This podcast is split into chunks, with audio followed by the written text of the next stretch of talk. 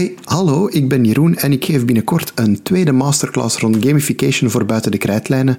Het is op grote vraag een online editie geworden, want u weet wel, corona.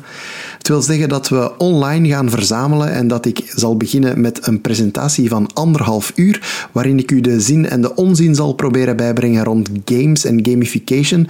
Wat maakt die dingen nu zo interessant voor onze jongeren? Welke technieken worden daarin gebruikt? Kunnen we dat omzetten naar leersystemen en hoe kunnen we dat allemaal in de klas gaan gebruiken? Ik hoop dat ik je met heel veel voorbeelden, want ik ben niet echt een theoreticus, maar ik probeer met heel veel voorbeelden jullie uh, te tonen dat het eigenlijk niet zo moeilijk is. Dus ben je er graag bij, dan kan je alle info en tickets vinden via www.dekrijtlijnen.be. We zien elkaar dan op woensdag 18 november om drie uur, beginnende met een presentatie van anderhalf uur, gevolgd door een vragen half uurtje. Ik hoop dat je er zin in hebt. Tot dan!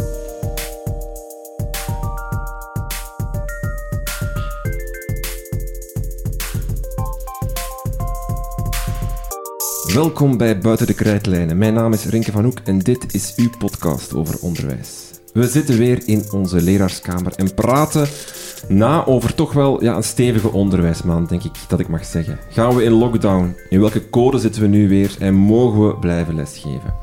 Ik blik terug op deze maand met weer drie hele straffe gasten. En uh, welkom Leila Zaimi. Ja, goedemiddag. Uh, ik ben uh, Leila, ik ben zorgcoördinator van de kleuterschool Campus KVO. En ik ben eigenlijk ook zorgleerkracht van de kleuterschool en van het eerste leerjaar. Oké, okay. Karen van der Kruis, welkom. Welkom. Um, ik ben ondertussen adjunct-directeur. Promotie gemaakt. Ja, ja, ja. Uh, ja, gek, ik geef geen les meer. Um, dus uh, ja, ik kom hier nu een beetje als uh, adjunct-directeur in de leraarskamer. ja, dat is... Kijken, dat is... Ja, dat, de, de sfeer was ook meteen anders toen je binnenkwam. Direct stopten de gesprekken. Het was zo wat fluisteren, zo. Heel herkenbaar. Ja? Nee? Oei. Mm, nee, nee, nee, eigenlijk niet. Nee, het is een aparte aflevering waard, zo, die, die, die, dat, uh, dat verschil. Ja. ja, het is ook in mijn eigen school. Dus, uh, uh, dus wat maar... je leerkracht was, ben je nu ja. middenkader, directie? Ja, ik was uh, graadcoördinator en ben nu uh, adjunct-directeur en ik blijf ook nog uh, graadcoördinator van de derde graad. Um, maar ja, de, de gesprekken in de leraarskamer zijn nog oké okay, hoor. Dus, oké. Okay. Kevin Polly zit ook aan de tafel. Hallo, ik ben uh, Kevin. Ik geef uh, les in het vijfde leerjaar in uh, Zonnebeke. En uit het verre Ieper, helemaal ja. naar hier gekomen. Dankjewel ja. voor deze verre plezier.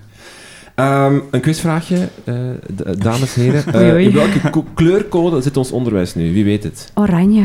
Tegen de herfstvakantie Na, moeten we ja. naar oranje. Ja, is het dan echt oranje of is het oranje light? Is het licht oranje, dubbel oranje? Ja, wij, wij zaten eigenlijk... Uh, ja, minister Wijts gaat dat niet graag horen, maar eigenlijk zijn wij quasi in oranje gestart. Hm. Uh, deze week hadden wij overleg met de directies binnen de um, schoolgroep eigenlijk. En uh, daar blijkt eigenlijk dat de meeste scholen quasi in oranje zijn gestart. En wat is het verschil met wat het zou moeten zijn? Hoe bedoel je? Dus, ja, wij hebben eigenlijk... Ja, wij, wij zijn eigenlijk dit schooljaar gestart. Uh, in grote lijnen, het enige wat wij niet gedaan hebben, is de groepen opdelen en, en halftijds, um, of leerlingen in het secundair halftijds laten komen. Maar wij zitten met leerlingen... In, in oranje, hè? Ja, in wat, oranje... wat ja, had je moeten in oranje, ja. maar nu, nu dan... Maar dat is een beetje waar de ja. verwarring over gaat, hè? want okay. eigenlijk wordt oranje niet helemaal uitgevoerd. Hè? Nee. Het is aangepast. Nee. Hè? Ja. En dus die halve uitvoering van oranje, daar zaten we eigenlijk al in, omdat we zelf als school vonden, om verschillende redenen. Eén, we zaten in Antwerpen waar uh, heel wat... Ja, toch, waar we in augustus toch ook al wel heel erg nog met, uh, met lockdown-achtige ja, situaties geconfronteerd werden. We wilden ook wel iets aanbieden dat op langere termijn uh, houdbaar was, mm -hmm. uh, waardoor jongeren niet plots van dag 1 op dag 2 mm. in een heel ander systeem ja. terecht zouden komen. Dus waren we eigenlijk al in een ja, donkergeel gestart. Dus voor vele scholen die hogere jaren van het secundair onderwijs aanbieden, verandert er eigenlijk niet zoveel. En Mats al heel vaak in dat licht oranje, want het is niet volledig oranje, dat, waar we naartoe moeten, uh, naar, dat, dat, daar zaten ze al in. Ik denk het wel, ja. Uh, Leila en Kevin, voor jullie verandert er eigenlijk niets, denk ik, hè, in het uh, lager- en kleuteronderwijs? Of wel? op dit moment eigenlijk niet zoveel. Het enige verschil is gewoon de leerlingen van derde, vierde... Nee, ja, derde, vierde vijfde en zesde leerjaar. Nee, sorry, excuseer. Vier, vijf, zes leerjaar. Die aten normaal zien in de refter. Uh, nu gaat dat niet meer zo zijn. Dat zal in de klasse gebeuren. Uh, leerlingen hebben wel allemaal een vaste plek. Maar daarbuiten is er niets anders. Het mm -hmm. is niet zo dat we in bubbels buiten gaan spelen of zo. Dus... Ja. Ja, bij ons ook niet. Dus, uh, maar dat was uh, ook al in het vorige plan, ja. dat er eigenlijk weinig verschil was tussen code geel en ja. code oranje. Uh, het is zo dat mijn kinderen in de lagere school, die doen geen, of daar is een verschil dat er geen extramuros activiteiten ah, meer ja, zijn. Ja, mijn, ook, mijn dochter had ook um, zo lesjes nog sport na school door een externe organisatie, die zijn helaas genoeg ook afgelast. Ja, corona, daar gaan we het waarschijnlijk uh, een, een stevig stukje over hebben in deze aflevering. Uh, jammer genoeg. Want het, het, begint wel echt nu um, impact te hebben. Hè. Dus de, de onheilsberichten over, binnen het onderwijs stromen binnen. En gisteren hadden we nog Gent dat, dat dreigt om de school te moeten sluiten wegens een groot lerarentekort. Uh, de basisschool in Diegem, denk ik, die vandaag de deuren sluit voor een week, omdat ze gewoon ja, heel veel leerkrachten en, en klassen in quarantaine hebben. Mm. Um, we hadden dan de Pano-reportage uh, mm. deze week, die, die toch ook wel pijnlijk blootlegde wat de impact is, zeker op secundaire scholen dan van uh, corona. Mm. Hoe gaat het? Uh, wat zijn de indrukken die jullie hebben op dit moment binnen jullie school dan? Is, is dit allemaal nog doenbaar? Is er nog onderwijs aan het gebeuren? Wel, daar maak ik me eigenlijk nu echt zorgen om. Door het feit dat ik eigenlijk de Pano-reportage heb gezien, ja, dan begint je echt wel te denken en denk je, waar gaat het eigenlijk naartoe? Uh, met wat zijn we eigenlijk ook bezig? Wat staat er op ons nog allemaal te wachten? Het zijn enkel, alleen niet enkel de kwetsbare gezinnen die eigenlijk deze crisis allee, uh, dat hen aantreft, maar eigenlijk ook gewoon wij leerkrachten, de school zelf. Uh, hoeveel kunnen we nog dragen? Je merkt dat leerkrachten zijn gewoon moe. En dan is de vraag van waar, ja, de druk is zo hoog, uh, niet enkel voor directie, maar ook voor de leerkrachten zelf. En ja, ik maak me eigenlijk wel echt oprecht veel zorgen nu. Waar gaan we naartoe? Ja, en hoe is het bij jullie op school echt? Is dat, hoe is de situatie daar? Is dat nog te doen? Ja, te doen. Ik, ik, ik, vind, ik vind op het moment dat het redelijk zwaar is. Mm -hmm. en, en, dan door, door uitval van leerkrachten? Ja, uitval van leerkrachten, waar je dan moet inspringen. Uh, ja, leerkrachten niet aan ziek vallen. Uh, klasvervangingen, ja, wie moet dat allemaal doen? Dus je voelt dat je veel meer aan het doen bent dan dat je eigenlijk zou moeten doen, waar je eigenlijk... Ja, nummer, hetgeen dat je takenpakket effectief inhoudt, je komt daar ook niet meer aan toe. En dat is wel echt frustrerend om een duur. Mm -hmm. Oké, okay, van kleuter naar lager. Kevin, hoe is het bij jullie? Uh, ja, dus in West-Vlaanderen zijn de cijfers, ja, ik kan niet zeggen beter, maar minder slecht. Maar uh, waar ik les geef, Zonnebeek, is zo'n beetje een zwarte vlek op, uh, op de kaart. Okay. dus wij hebben het lang oké okay gehad, maar nu hebben wij ook twee kleuterklassen die in quarantaine zijn. Um, en dat is omdat uh, in het kleuter moesten de kleuterlijsters geen mondmasker dragen. Dus als er een besmetting is, dan uh, wordt er sneller een klas in quarantaine um, geplaatst. Dus ja, wij zijn een kleine school, we hebben uh, nog geen 300 leerlingen, dus je merkt dat meteen op de speelplaats dat ja. het wat kalmer en dan word je wel, wel weer met je neus op de feiten gedrukt dat het geen normale tijden zijn. Ja. ja. En dan naar het secundair. Karen, je kwam binnen en je zei ik heb een drukke week gehad. Ja. Is dat uh, corona beïnvloed, die drukke week? Het is, uh, het is de voorbije weken altijd corona beïnvloed. Um, dus ja, um, wij hebben denk ik een twintigtal besmettingen, besmette leerlingen op school. Um, ze zijn vrij snel overgeschakeld van het uh, in quarantaine plaatsen van enkele leerlingen naar de volledige klas in quarantaine plaatsen, al was het maar voor de leerkrachten. Um, ja, als je een klas hebt waar vijf leerlingen van in Mhm. quarantaine zitten en je moet er ook nog 15 op school of, of 17 op school opvangen en dan daar is er dan nog eentje ziek van en, en ondertussen, het, het was gewoon totaal niet meer overzichtelijk. Bovendien merkten we, als we vijf leerlingen in quarantaine plaatsten, dat het dan ja, enkele dagen daarna een andere opflakkering Mm. hadden in eenzelfde klas. Ehm, dat dat eigenlijk helemaal niet meer werkbaar was. Dus we hebben dan gekozen om leerlingen in quarantaine te plaatsen in klasgroep. Ehm, en dat betekent dat we dus nu ja, al eh, twintig keer een klasgroep in quarantaine geplaatst hebben. Eh, dat is veel. Daarnaast ook nog een ontiegelijk groot aantal leerlingen dat op individueel niveau in quarantaine moet. En dat is heel gevarieerd. gaat van twee dagen wachten tot een testresultaat. Op het moment moeten we al vijf dagen, soms langer, wachten op een testresultaat. Hè. Maar, eh, dus soms gaat dat over twee dagen. Soms gaat dat over leerlingen die, die, die ja, besmetting in hun gezin hebben. En die dus moeten thuisblijven tot er niemand nog positief test. En dan gaat het over heel lange ehm, quarantaines. Mhm. Uh, ik denk het meest extreme geval is een leerling die ergens, uh, ik denk 13 oktober, uh, op school toekwam voor de eerste schooldag. Amai, Oké. wow, Ja, amai. dat is wel Ja. heftig. Dus het, het is wel heel heftig. Het, het heeft een grote impact. Um, ik, zie ook, ja, ik zie ook zelf, de, de impact op de leerlingen um, is groot. Uh, hoe, hoe meer die maatregelen ook... Um, of, ja, nu nu weer met de verstrenging van een maatregel. Er is een... Er is een leerlingen, zeker leerlingen in een derde uh, graad... Um, hebben weinig perspectief, heb ik de indruk. Heel veel dingen waar ze naar uitgekeken hebben, waar, ze van, waar wij vorig, vorig jaar van dachten van oké, dat gaat wel volgend jaar, volgend Ja. jaar. En, hè, denk heel specifiek aan onze zesdejaars, vorig jaar in het vijfde jaar, heel veel dingen die toen wegvielen. En dus oké, maar we hebben ons zesde jaar nog, we gaan... Ehm, en daar is... ehm, ja, die zitten mentaal wel diep. Ehm, ik kijk ook naar het team. De impact op het team is zeer groot. Ik denk dat wij onderschatten eh, hoeveel informele momenten eigenlijk wegvallen. Hè. Dus eh, in de leraarskamer, ja, eten samen, eh, nee. Eh, leraarskamer, ja, moet eigenlijk altijd op je hoede zijn, want ja. Ja. we zijn hier eigenlijk met te veel. We hebben een extra leraarskamer gemaakt. We hebben zo'n soort van scheiding nu, de rustige kamer en de iets heftigere kamer. Ehm, vrijdagavond afronden samen, no way. Ehm, ja, nieuwe collega's. Hè. We- nee, normaal deden we dan op het einde van de week al eens een vergadering en dan dronken we daar iets bij. En dan ja, wordt dat toch iets... Gewoon even kijken van, oké, hoe loopt het, hoe gaat het? Ja, schrap dat drankje, wordt echt een vergadering. Eh, en ik denk dat al die dingen samen... ehm, ja, ied- iedereen is, is moe. En, en ik denk, normaal voor een vakantie zijn we allemaal moe. Eh, maar het is zwaar. Ja, kan Vooral dat, ook, ja. ja. kan mij daar wel bij aansluiten. Want eh, we hebben ook leerlingen die dan vertrekken voor enkele dagen of meerdere dagen eh, in quarantaine omdat broer of zus besmet is. Dus je moet die leerlingen dan digitaal onderwijs aanbieden. Dus er staat dan een laptop in de klas eh, die je lessen volgt. Nu, dat is nooit ideaal, dus die leerlingen keren terug. Eh, dan moet je die vaak nog bijbenen. Dus je bent eigenlijk met drie dingen tegelijk bezig. En, en ja, het voelt een beetje aan als vechten tegen de bierkaai. Ehm, maar langs de andere kant zie ik ook niet in schoolsluiting of dat dat eh, effectief iets zo... Ja, dat is de oplossing niet. Dus Ja. Nee. Daar komen we straks nog op, maar even, eh, zien jullie de impact al van de nieuwe eh, ehm, manier van werken rond testen? Nu wordt er eigenlijk, als je geen symptomen hebt, word je niet meer getest, omdat de testcapaciteit eh, te, te hoog ligt, allee, dus, of te laag ligt, sorry. Er is te weinig mogelijkheid om te testen. Bij ons op school hebben ze nu al een aantal leerkrachten die gewoon ja, tien dagen moeten thuisblijven, niet getest worden. Eh, omdat ze geen symptomen hebben, maar wel een hoog eh, risicocontact hebben gehad. Zien jullie daar een, een, een verhoging van de uitval door leerkrachten? Die impact? Bij ons momenteel, op dit moment, hebben, allee, is, er, is daar, daar nog geen sprake van. Dus Mhm. Eh, ik, zie het, ik zie het wel. Eh, de onduidelijkheid vooral. Ik denk, Ja. eh, wat heel lastig is, is eh, dat eh, heel veel artsen ook bijvoorbeeld andere adviezen Ja. eh, geven. Hè. Ehm, voorbeeld dat eh, mijn collega-directeur, die was eh, ehm, op nascholing geweest. Enfin, nascholing, intern, uh, nascholing binnen, binnen directieteams.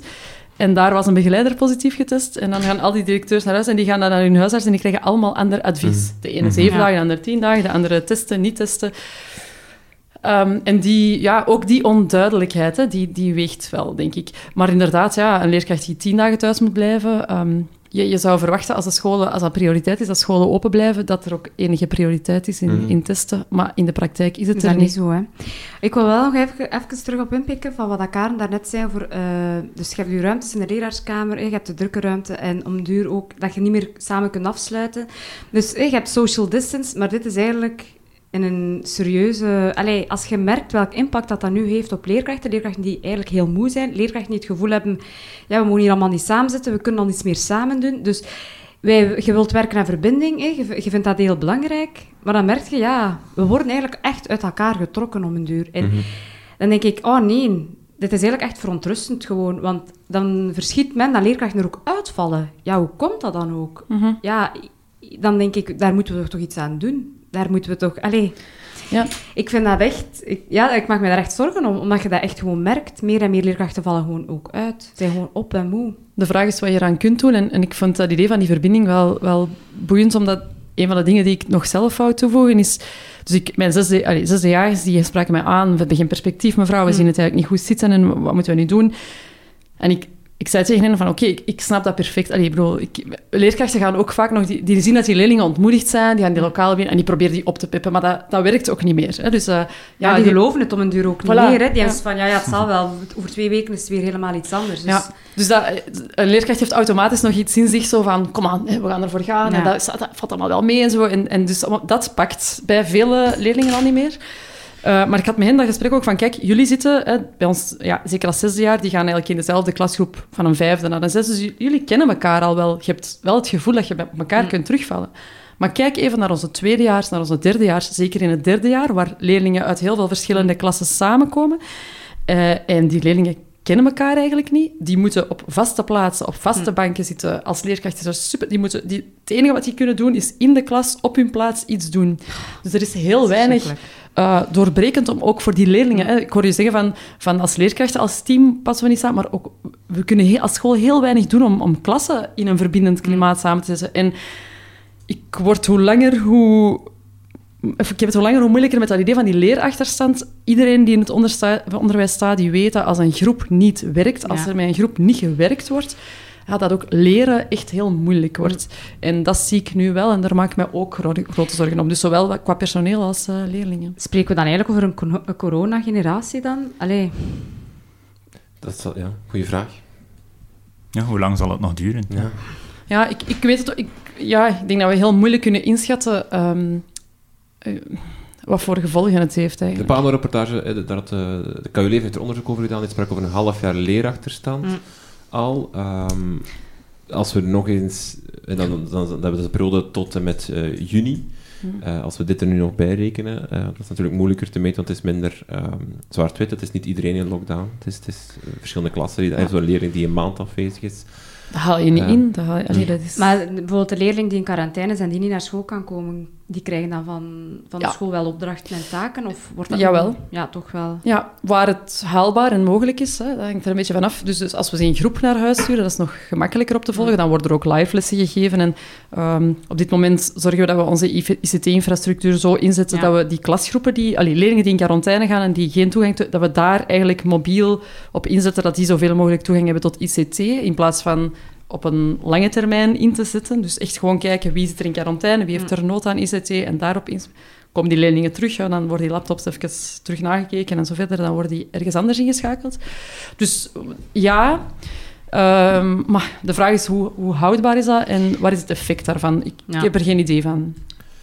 De panelreportage begon met de, de vraag, wat primeert er, gezondheid of leerachterstand? Uh, dat was denk ik volgens mij een van de eerste vragen die gesteld werden, die dan eigenlijk gaat over, moeten we uh, virologen volgen, die, die, die, of, of uh, experts volgen, gezondheidsexperts volgen, die eigenlijk meer naar het lockdown-idee opschuiven en die misschien de scholen wel al terug hadden gesloten? Of moet toch de piste die, de, die onze minister en, en ja, verschillende, de, de meningen zijn heel verdeeld, sommige anderen volgen die zeggen scholen moeten kost wat kost open blijven. Het is natuurlijk continuum, je mag je ook ergens tussenin bevinden, maar uh, soms heb ik het gevoel, ik zal misschien direct er een tweede vraag of, of een, of een uh, bedenking aan toevoegen. Als je ziet hoe, het, hoe sommige scholen in brand staan, zal ik maar zeggen, hoe andere scholen nog, nog gespaard blijven, maar hoe vooral er heel veel onduidelijkheid is en men zoekt naar een soort van werkbaar systeem, dat we, dat we een time-out nodig hebben of zo. Dat iedereen even zo terug moet herstellen. En mm. dat, je, dat je een week, twee weken, er komt nu wel een vakantie aan, maar misschien moet die, moet die dan verlengd worden of iets langer. Dat je misschien wel met een lockdown um, of even een schoolsluiting wel even terug kan herstellen. Mm. Leerkrachten letterlijk herstellen, even mm. gewoon uh, fysiek uitblazen. En, en, dat men op, op uh, beleidsniveau kan nadenken, oké, hoe gaan we dit nu doen de komende week? Want je ziet dat er nu nog wel veel uh, bedacht moet worden hoe men ermee omgaat. Nu, de periode in maart allee, voelde niet aan als een, als een... De lockdown voelde niet aan als een time-out. Dus je mm. moest opvang voorzien, terecht.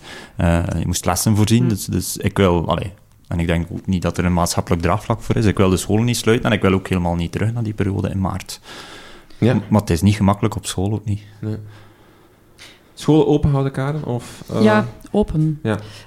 Uh, open, maar, maar ik denk wel met, een, met meer flexibiliteit ja. of zo. Niet echt een gewoon kader van uh, halve klasgroepen. Of, ja, halve klasgroepen lijkt mij echt een, een, dra een drama voor de Het systeem van groep uh, uh, 1 à 5 wordt gesplitst in twee. Groep A komt langs ja. uh, op in week 1 en gaat dan daarna op in, een week in afstandsonderwijs, waarin dan groep B komt, die ja. dan eigenlijk hetzelfde krijgt wat groep A krijgt. Maar dan moet je als leerkracht ook dubbel gaan voorzien. Ja, je moet dubbel gaan voorzien. Bovendien denk ik dat in heel veel um, scholen of schoolcontexten um, klasgroepen niet zo homogeen zijn.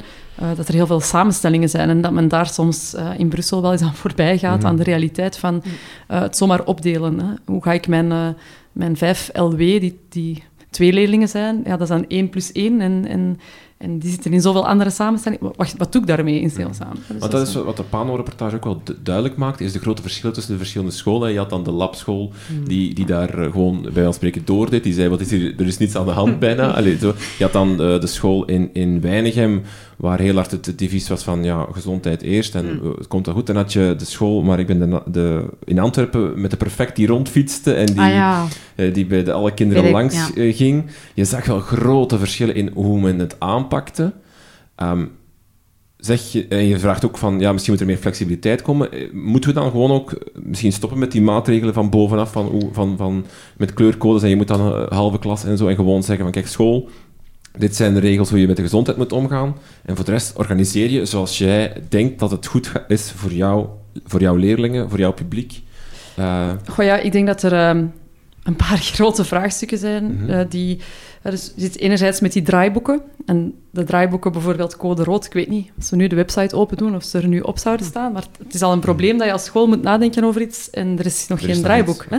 Ehm, deze week was het de coronacommissie in het parlement. En eh, ehm, ja, een eh, collega-directeur, eh, Christine Hannes eh, van de Spectrumschool in Deurne, was daar te gast. Ze heeft daar, ik zou het iedereen aanraden om dat even te bekijken. Ze heeft daar een aantal dingen gezegd, onder andere over die draaiboeken. Maar één ding wat mij ook heel, heel sterk is bijgebleven van wat ze zei, en dat is eigenlijk niet echt van toepassing op, op, in de context waar ik in werk, maar zij is zelf ook preventieadviseur. Ze heeft zelf een opleiding als preventieadviseur gedaan.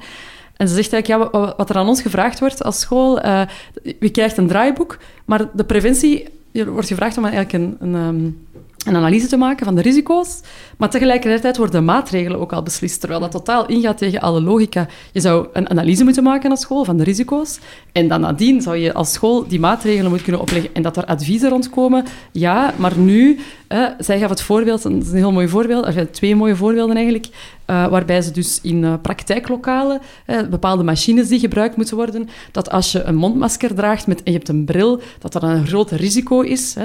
Eh, ik hoor het daar zo nog zeggen van, ja, als je, als je zoals de draaiboeken zegt, een mondmasker moet dragen, dragen in zo'n situatie, dat is een risico voor die leerling. Ik moet als directeur wel kunnen bepalen of die leerling eerder zijn arm er laat afsnijden, of dat hij ehm, eh, ja, een contact loopt om, om zijn gezondheid. Ja. Dat is mijn beslissing op basis van mijn risicoanalyse. En die is uiteraard anders dan hè, in, mijn, in mijn school, waar ik sta, dat is een ASO-school, totaal andere soort van risicoanalyse. Dus ehm, een, een ander voorbeeld eh, dat ze gaf was...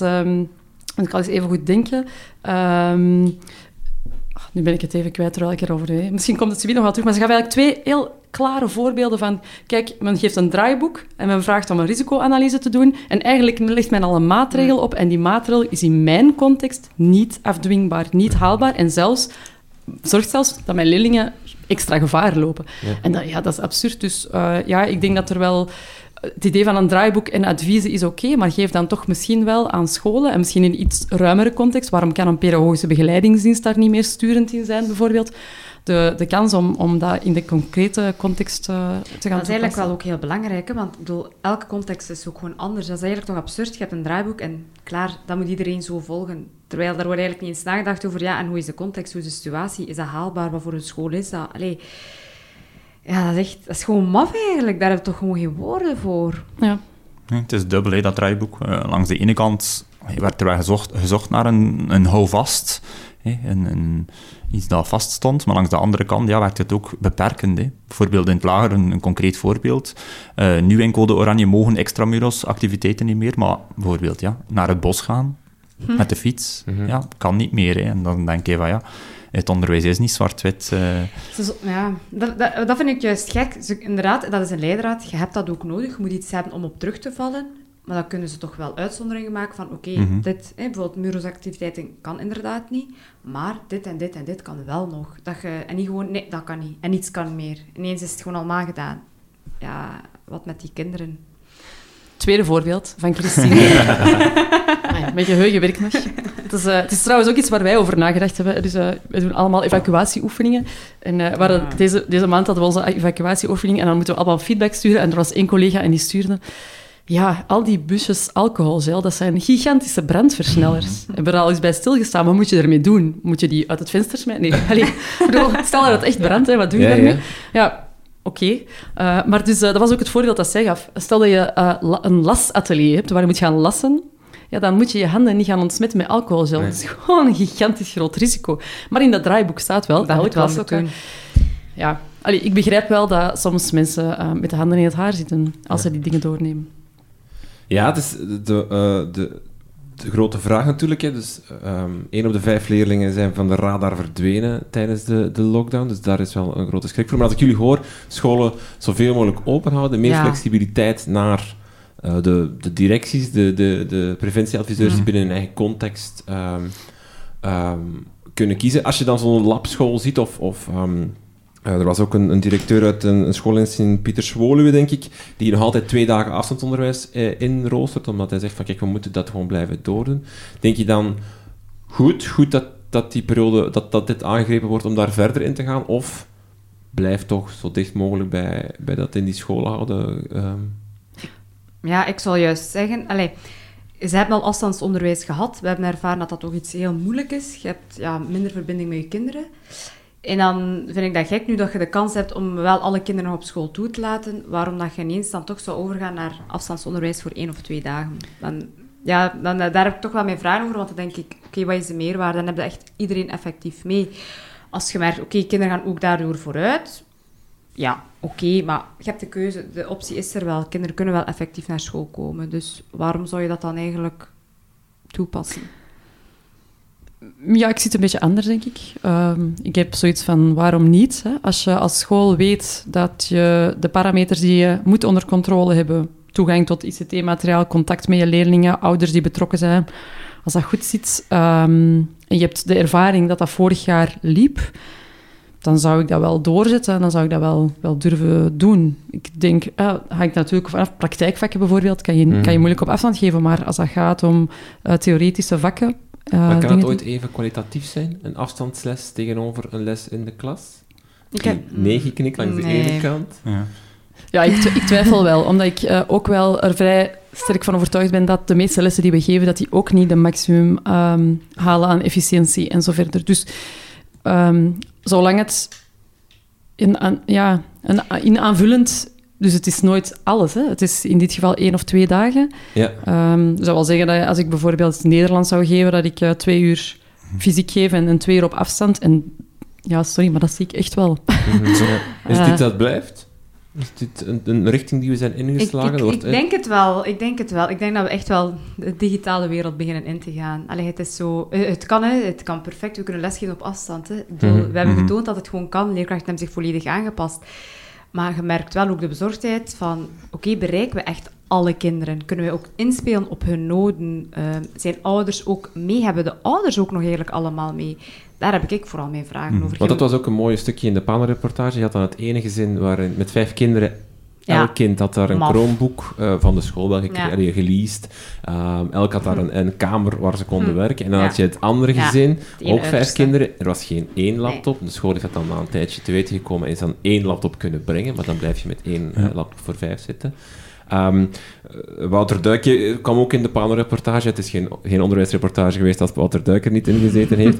Die een, een kritische analyse maakte van het budget van onderwijs. Ja. Dat is ongeveer een derde van de Vlaamse begroting. En eh, ja, dat is, ik denk ik, 14 miljard is dat. Eh, een laptop voor iedereen zou 100 miljoen kosten. Dat is peanuts. Waar Hm. blijven we ermee? Ik kan nog even terugkomen, inderdaad, zoals Karen zei, als alle parameters goed zitten, ja, kan het. Maar ja, de realiteit is dat, dat ja, zoals bij ons op school, wij hebben laptops, we hebben er niet zo heel veel. Ze zijn wat verouderd, hè. Ze, ze, ze draaien niet allemaal hetzelfde besturingssysteem soms. Eh, dus het zijn veel praktische problemen. Hè. Ons, ons internet op school is, is er, maar werkt niet supergoed. Die, die labschool ehm, was een, een prachtig voorbeeld, maar dat is echt een eenhoorn, denk ik, in, in Vlaanderen. Hè. Zoveel heb je er niet, die zijn niet eens aangesloten bij een koepel. Dat op Ik zich vond het al jammer is... dat ze in de rapportage zaten, om eerlijk te zijn. Omdat ik het heel... Omdat zo nu, als je daar naar kijkt, denk je van... Allee, waarom doet niet elke school dat? Ja. Ja. Terwijl het is een, een, een niet zo lang bestaande school die Ja. zo opgericht is. Ik denk als je een school van 1000, 1500 leerlingen eh, moet... moet allee, dat is een mastodont. Als je die moet draaien in de richting van een labschool, ja, dan ben je... Dat gaat niet op een maand, dat gaat over een periode van. 10 jaar, zal ik maar zeggen. Ehm puur, Ja, je, je, zegt puur nu, infrastructuur, gewoon al ge- gewijs, bij wijze van spreken. je zegt nu wat ik al dacht toen je de eerste keer labschool... Ik vind het eh, fantastisch, want het, heeft wel, het zijn gewoon mensen met een Mhm, bepaalde visie die een school gestart zijn. En dat is ehm, ja, in de meeste gevallen, wanneer we over scholen spreken... Niet, ja, dat is een totaal andere wereld. Ja, dus natuurlijk. Dus daarom vind ik het ehm, jammer dat ze erin zaten, omdat ze een fout beeld geven. Ja, anderzijds denk ik wel... Soms vraag ik mij wel af van hoe komt het dat we niet meer Ja. ehm, scholen kunnen organiseren, zoals zo'n labschool. Waarom moeten we soms dat gevoel hebben dat we zo'n tanker moeten in beweging brengen? Waarom kunnen we niet meer op hè, dat, al dat geld dat geïnvesteerd wordt in onderwijs, waarom kunnen we niet gerichter initiatieven organiseren? Soms is het gewoon gemakkelijker om van nul te beginnen. Dat is wat een labschool Ja. bewijst. Soms is het gemakkelijker om van nul te beginnen dan om iets wat heel log en, Ja. en Ja. vastgeroest is in, in, in eh, vaste ja, patronen, om dat te proberen te kantelen. En ja, Ja, dat is, ja, dat is daarom. Ja, het is een vertekend beeld van die labschool die echt uit- van iets begonnen. Ook als je ook naar het lokaal kijkt, gewoon fysiek. daar de, de opstelling, die tafeltjes, die aparte lokaaltjes. Ja. Als je dat wil doen in een, in een college dat al, al 60, 70 jaar bestaat, ja, Ja. Daar, daar moet je bij ons spreken al met de drillboor eerst. eh, de muren gaan. Ik weet niet of je een drillboor nodig hebt om muren uit te breken, maar eh, om, je moet muren uitbreken in ieder geval. Ehm, Oké. Zijn er nog corona-toevoegingen? Dingen die, die opgevallen zijn, ge- opgemerkt zijn? Het is, eh, of Nee. kunnen we naar minder... Alhoewel, nee, we hebben nog, nog een, een, een, coro- een corona-onderwerp hierna. Maar zijn er nog belangrijke corona-toevoegingen? Nee, ik had wel begrepen dat minister Wijs nu wel van plan is om inderdaad elke leerling een laptop te voorzien. Ja. Op termijn. Maar ik denk dat daar ook Christine Hannes eh, in de coronacommissie zei van ja, we hebben 200 laptops gekregen van school, heel tof, maar wie gaat die onderhouden? Hoe, wie gaat er de leerlingen daar leren mee Mhm. werken? Wie gaat dat... Ja. Allee, dat wa- was ook wel een interessante... We hebben hetzelfde, hè, want uh, wij hebben op school ook dankzij Digital for Youth en echt absoluut mijn grote dank aan dat Ja. initiatief, want dat heeft ons vorig jaar ontzettend uh, geholpen. Uh, we hebben er ook wel, maar dan zit je inderdaad met een aantal vraagstukken. En we, dat, dat heeft er wel voor gezorgd dat we nu in versnelling zitten naar um, het gebruik van ICT en, en beleid op vlak van ICT, waar we trouwens al wel mee bezig waren. Um, maar inderdaad is dat een project dat doorloopt. Wat doen we met die toestellen? Allee, hoe, hoe, ja, okay, het is een van de vele vraagstukken. Ja. Misschien, uh, Kevin, iets dat jij ook hebt aangebracht. Um, die code oranje, die verstrengde maatregelen, creëerde wel ook verwarring voor de, de stages, voor de leer, leerkrachten in, in wording. Um, er was veel even paniek toen met die, uh, mm. want niet-essentiële uh, derden zijn niet meer welkom op scholen. Dat was, mm. dat was eigenlijk al. Um, en sommige scholen mijden dan ook stagiairs, blijkbaar. Uh, de directeur van de leraaropleiding van de Vives Hogeschool zei dat hij wel heel wat paniekerige vragen uh, had zien binnenlopen. Uh, zijn bij jullie stagiairs nog welkom op school? Ja, bij ja. ons wel. En ik vind dat ook broodnodig. Uh, we hebben nu een stagiaire, ze zit nu in haar uh, tweede jaar, maar ze heeft vorig jaar geen stage gedaan. Hè. Hmm. Dus, dus ze zit eigenlijk al halfweg haar opleiding, maar ze heeft eigenlijk nog niet voor de klas gestaan. Dus als je nu nog zou zeggen, en er is, uh, gelukkig zijn er niet zoveel uh, annuleringen, maar er waren er toch een, een zestal op 100 studenten, valt wel mee. Maar dat is niet vast, hè. En, en, dan moet je dan de opleiding verlengen. We hebben, we hebben al leerkrachten tekort. Ik denk niet dat dat uh, aangewezen is. Dus, dus ja, voor mij mogen ze als essentiële derde worden aanzien, de stagiairs. Ja. Ben jij nog stagiairs, Karen? Jawel hoor. Laat ons zeggen dat het uh, niet toelaten van stagiairs, omdat ze niet essentieel worden gezet, dat ik dat wel redelijk absurd vind. Ja, dat is toch eigenlijk raar, terwijl het zijn leerkrachten in SP, dus waarom... Allee. Is dat misschien iets algemeen dat misschien ook wat ondergesneeuwd raakt, namelijk het feit dat het, dat, dat pedagogische beleid of het onderwijskundige beleid... Eh, we hadden twee weken geleden het gesprek met Lieve Viano, die zei van onderwijskundig is er nog wel wat werk eh, aan het beleid in Vlaanderen, vooral secundaire school. Dat dat nu, omdat directies eh, dus, eh, voornamelijk bezig zijn met brandjes blussen, met zien dat een school gewoon al blijft rechtstaan, dat dat nu volledig stopt, dat debat? Is dat het idee? Dat, allee, of dat, dat, dat, beleid binnen de school, de, de modernisering naar de tweede graad, de, de, um, de verdere pedagogische stappen die genomen moeten worden, dat dan een beetje even een laag pitje ondergesneeuwd wordt, omdat men uh, zorgt dat corona niet de school overneemt? Als ik naar mezelf kijk, dan is het um, totaal niet uh, stopgezet of zo. Mm -hmm, okay. Uh, het is wel soms in functie van corona, of, of, op basis van corona denk ik dat we ons beleid wel mee sturen. Ik denk dat je ook wel uh, een aantal lessen daaruit kan trekken en, en dingen kan meenemen. Uh, vorig jaar heeft het wel uh, stilgelegen en dat is voor mij wel... Um, allee, dat was voor ons, denk ik... We hebben een, een onderwijskundig beleidsteam. Mm. En ik denk dat we met z'n allen gezegd hebben van... Ja, nee. dat gaan we niet meer uh, laten gebeuren. Dat zo vraagstukken ja, stil liggen of, of achterstand oplopen. Hebben jullie het idee dat de lange termijnvisie even moet wachten of het, het, debat daarover, het gesprek daarover of de uitvoering daarvan en dat het even logisch is, korte termijn even kijken van zien dat we volgende week leerkrachten hebben? Ja, je merkt dat wel. Hè. Allee, je voelt dat ook wel, dat dat toch wel... Allee, dat er vraag naar mm -hmm, is. Hè. Mm -hmm. um, het is ook paniek als er iemand wegvalt. Ja, wie, wie gaat dat doen? Ja, oh nee, we moeten iemand zoeken. Ja, mag die wel op school komen? Nu, gelukkig wordt dat wel allemaal als essentiële derde gezien. Ook stagiairs zijn bij ons ook nog welkom. Al een geluk. Want ik denk, als je dan in je laatste jaar zit en je hebt geen stages kunnen doen, of, of als startende leerkracht, en je hebt dat niet eens kunnen doen, je hebt dat niet kunnen ervaren, en als dit nog langer duurt dan een jaar, ja, waar leren die dan uiteindelijk? Want het is enkel theorie en men kan niet zien in de praktijk of het toepassen. Dan vraag ik me eigenlijk af, wat gebeurt er met de leerkrachten in SP die gaan afstuderen? Ja, corona overheerst het debat. Is- Dat is, allee, maar we moeten erover waken natuurlijk, dat inderdaad de lange termijnvisie, dat we die blijven in het oog houden. Ja. Allee, je ziet dat ook in deze podcast. Ik weet niet hoe lang dat we al bezig zijn, Ja, is maar we hebben nou nog maar één onderwerp eigenlijk gehad. Voelde ik, eh, Rinke, voelde ik jou een eh, brug maken naar de modernisering? Of, eh? Eh, dat is geen thema, we kunnen het daar wel over hebben als je dat graag zou hebben.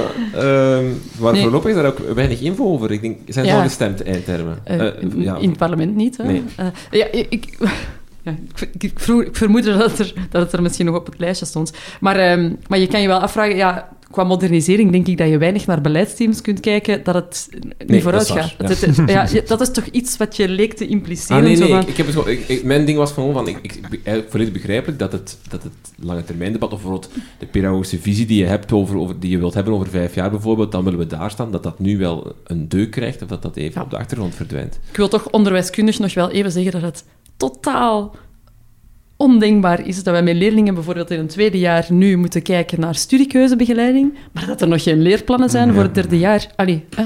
iemand kan iemand even oplossen. Ja, ja ik, dat is eh, volledig stilte daar rond, hè, eh, vanuit, omdat ze moeten nog gestemd worden in het Vlaams parlement, hè, als ik juist ben. Ja. Eh, hebben, Ja, en er is ook wel grote kritiek vanuit de koepels geweest. Dat Ja. is dan helemaal stilgevallen. Wordt daar iets mee gedaan? Was dat gewoon een, een soort van alarmfunctie? Geen idee. Maar het, vanuit het onderwijsveld, wetende dat heel die coronaballast op mensen weegt, eh, dat wij wel al aan- aangekondigd hebben, uiteraard gaan wij er ontwerken, want we moeten volgend jaar wel eh, dingen doen natuurlijk. Eh, ja, dat dat niet prettig aanvoelt, denk ik. Want het katholiek onderwijs heeft, denk ik, een paar weken geleden nog herhaald dat, het, dat de eindtermen te, te zwaar zijn, dat er te veel eh, druk ligt op de kennis. Eh, dus dat debat blijft ook wel Mm. gaan. Ik weet dat er toen eh, wel wat kritiek was van, van onder meer Pedro de Bruiker op Twitter van, ja, moet je daar nu over beginnen? Is dat Ja. nu het moment om dat even te brengen? Ehm, eh, ik wou een, een aflevering maken rond de eindtermen. Daar is voorlopig niemand voor te vinden, omdat niemand daarover wil praten die in de commissie zit, omdat er onvrede is. Ehm, dat is een, een soap aan het worden. Ja, en een groot probleem als je het aan mij vraagt. Maar goed, laat ons switchen naar... een, Ja. eh, We gaan het hebben over eh, de infosessie onderwijsinspectiekaart die jij hebt gevolgd. Nee, ik heb ze nog niet gevolgd. Volgende woensdag. Ik wou het gewoon... Next. ik, wou het, eh, ik wou gewoon nog even... ehm, ja, Reclame. een brengen. reclame maken voor de infosessie onderwijsinspectie die eraan komt. Dat wou ik wel doen, omdat het bijvoorbeeld... Goed moment hier, dames en heren. Ja, eh, dat gaat mijn sumiere voorbereiding worden. Ehm, ja, we hebben twee weken geleden samengezeten met de lieve Viane Ja. en, en toen kwamen die sessies al aan, aan bod. En dus inderdaad, woensdag 28 oktober eh, staan er een aantal infosessies rond de Onderwijsspiegel 2020 eh, op de agenda. Ik heb dus, naar aanleiding van de sessie, heb ik uiteindelijk dat document doorgenomen. Ik vind dat zeer... Het het een- onderwijsspiegel, ja. ja, de onderwijsspiegel. Hè. Het, het, is, eh, het is een droog eh, document, maar het is wel heel boeiend voor iedereen die met onderwijskundig beleid bezig is. Ehm, Je hebt er ook een ehm, draadje over gemaakt op Twitter, hè? ja, Ja, met, Ja, je, ja. met je bevindingen. ja eh, er zaten wel een aantal interessante eh, zaken in. Eh, maar dus die sessies ehm, volgende week, ik heb mij ingeschreven. Eh, er zitten wat dingen in rond begrijpend lezen, bijvoorbeeld. Voor- zowel voor eh, secundair als voor eh, basisonderwijs. En, Mooi ehm, bruggetje naar het volgende onderwerp. ja, echt. Moest je... ja, ja, maar dat wist ik.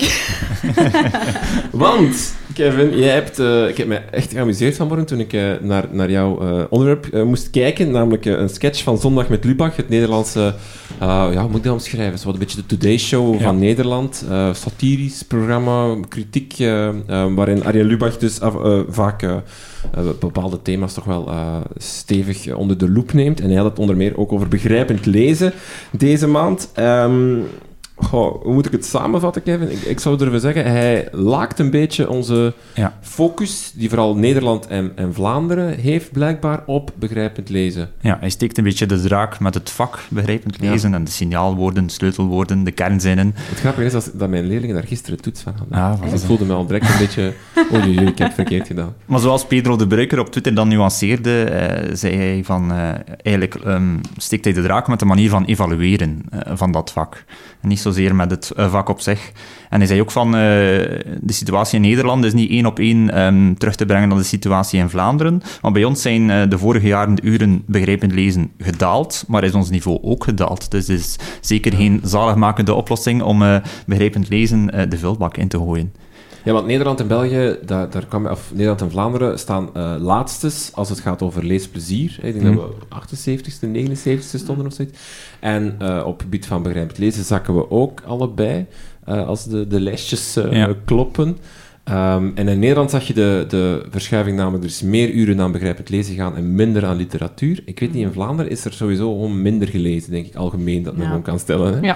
Ja. Um, als je dat filmpje bekijkt, dan, zie je, dan denk je heel hard uh, van, goh, we moeten daarmee stoppen met zo'n tekststructuur, signaalwoorden en zo'n droge tekst en alinea's aanduiden en gewoon eh, het mooie boek meebrengen en voorlezen in de klas en, en genietend lezen en plezier hebben. Uh, anderzijds denk je dat het wel genuanceerder is. Het is een beetje de cap over, uh, cap over het ei-verhaal. Uh, daalt het leesplezier doordat er uh, minder leesvaardigheid is, of, of, of omgekeerd. Uh, dus ik denk niet dat het... er is wel wat wetenschappelijk bewijs. Ja. daar hebben we het ook al wel eens over gehad. Technisch lezen zorgt... Als je goed technisch kan lezen, zorgt ook dat je meer plezier hebt. Hè? Dat is sowieso een lijn die wel dus, getrokken kan worden. Um, hoe, hoe werk jij? Jij zit in het lager onderwijs. Merk je daar dat er een probleem is rond lezen? Ja, absoluut maar inderdaad, eh, dus wij hebben ook bewust het, eh, een boek voorlezen, wij hebben dat ingeroosterd in, het, in, in ons uurrooster. Leuk. Maar langs de andere kant moet ik meteen, uh, tot mijn grote schande, toegeven dat dat wel het eerste is die ook van de dag valt. Dus als ik er niet raak met mijn, met mijn dagschema, met mijn invulling, ja, is dat het eerste die sneuvelt. En dat is, ja, dat is niet oké. Okay. Het zou moeten ja, primair zijn. Uh. Meestal zet ik dat dan op het einde van de dag. Dat is misschien ook al geen goed idee. Maar, dus ja, je, hoort, maar je merkt wel, en je ziet dat al aan de kinderen, als je dan uh, een boek voorleest, ja, dat zit daar wel in. Hè. Ze, ze, mm. ze, genieten van verhalen, ze genieten van lezen. Ze vragen, meester, mag ik dat boek uh, hebben? Mag ik het zelf verder lezen? Maar, dus, eh, allez, kinderen zijn niet veranderd. Maar eh, is onze aanpak van lezen fout? Klopt, wat, klopt het wat Arjen Libas zegt? Zijn we daar te veel, te technisch en dan bedoel ik allee, dan inderdaad zo analytisch mee bezig? En moeten we meer gaan naar wat lezen echt is, namelijk uh, een inhoud opdoen, genieten van lezen, um, iets bijleren? Um. Ja, ik, ik herken wel veel wat uh, Peter de Bruiker daarop reageerde, dat het inderdaad veel gaat over het evalueren van hmm. leesvaardigheid. Hè, dus dat daar toch wel wat het probleem soms lijkt te zitten. En als je kijkt naar de situatie in Nederland, uh, dan moet je ook weten dat men daar zit met centrale uh, ja. eindtoetsen. En Waar dat... ook wel de draak mee gestoken werd uh, in de sketch van ja, Lubach. absoluut. Hè. maar de, in die centrale eindtoetsen voor Nederlands zit heel, een heel grote nadruk op die leesvaardigheid. Hè. Omdat bijvoorbeeld iets productiefs als schrijven of spreken, ja, dat kun je niet in zo'n toets steken. Mm. Of daar is men voorlopig nog niet in geslaagd. Dus leesvaardigheid uh, neemt daar een heel grote, um, of neemt een heel groot deel van die proef uh, in uh, beslag.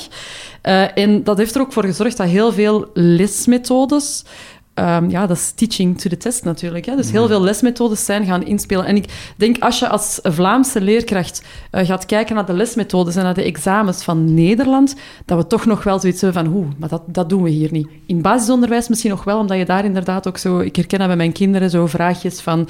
Ja. Uh, heel, heel erg structuurgericht.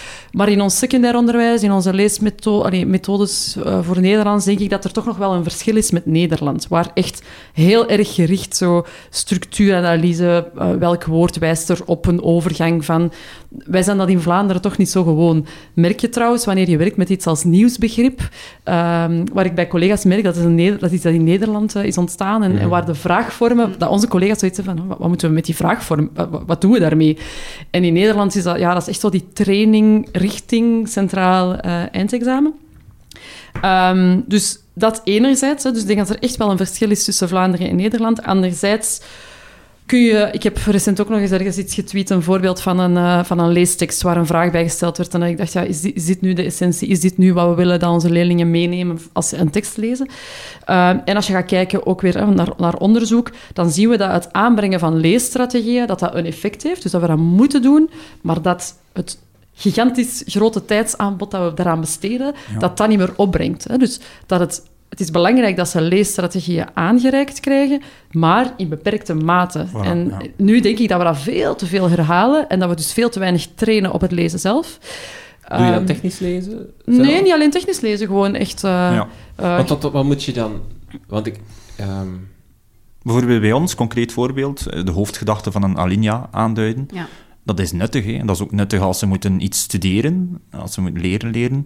Maar het is niet sexy, hè. Ze gaan daarmee niet graag, of niet liever lezen, denk maar ik. is dat wel wat je dan toch moet oefenen? Is dat wat je bedoelt met, met lezen? Namelijk de hoofdgedachte bepalen, het centraal thema bepalen, ehm, kernwoorden aanduiden, dat omzetten naar een schema? Of is dat dan al te... Ja, ik denk dat het belangrijk is dat leerlingen die strategieën aangereikt krijgen en dat ze dus weten, als ze willen bepalen waar een tekst over gaat, dat ze de eh, kern eruit moeten halen en, Mhm. en de hoofdgedachte eruit moeten halen en zo verder.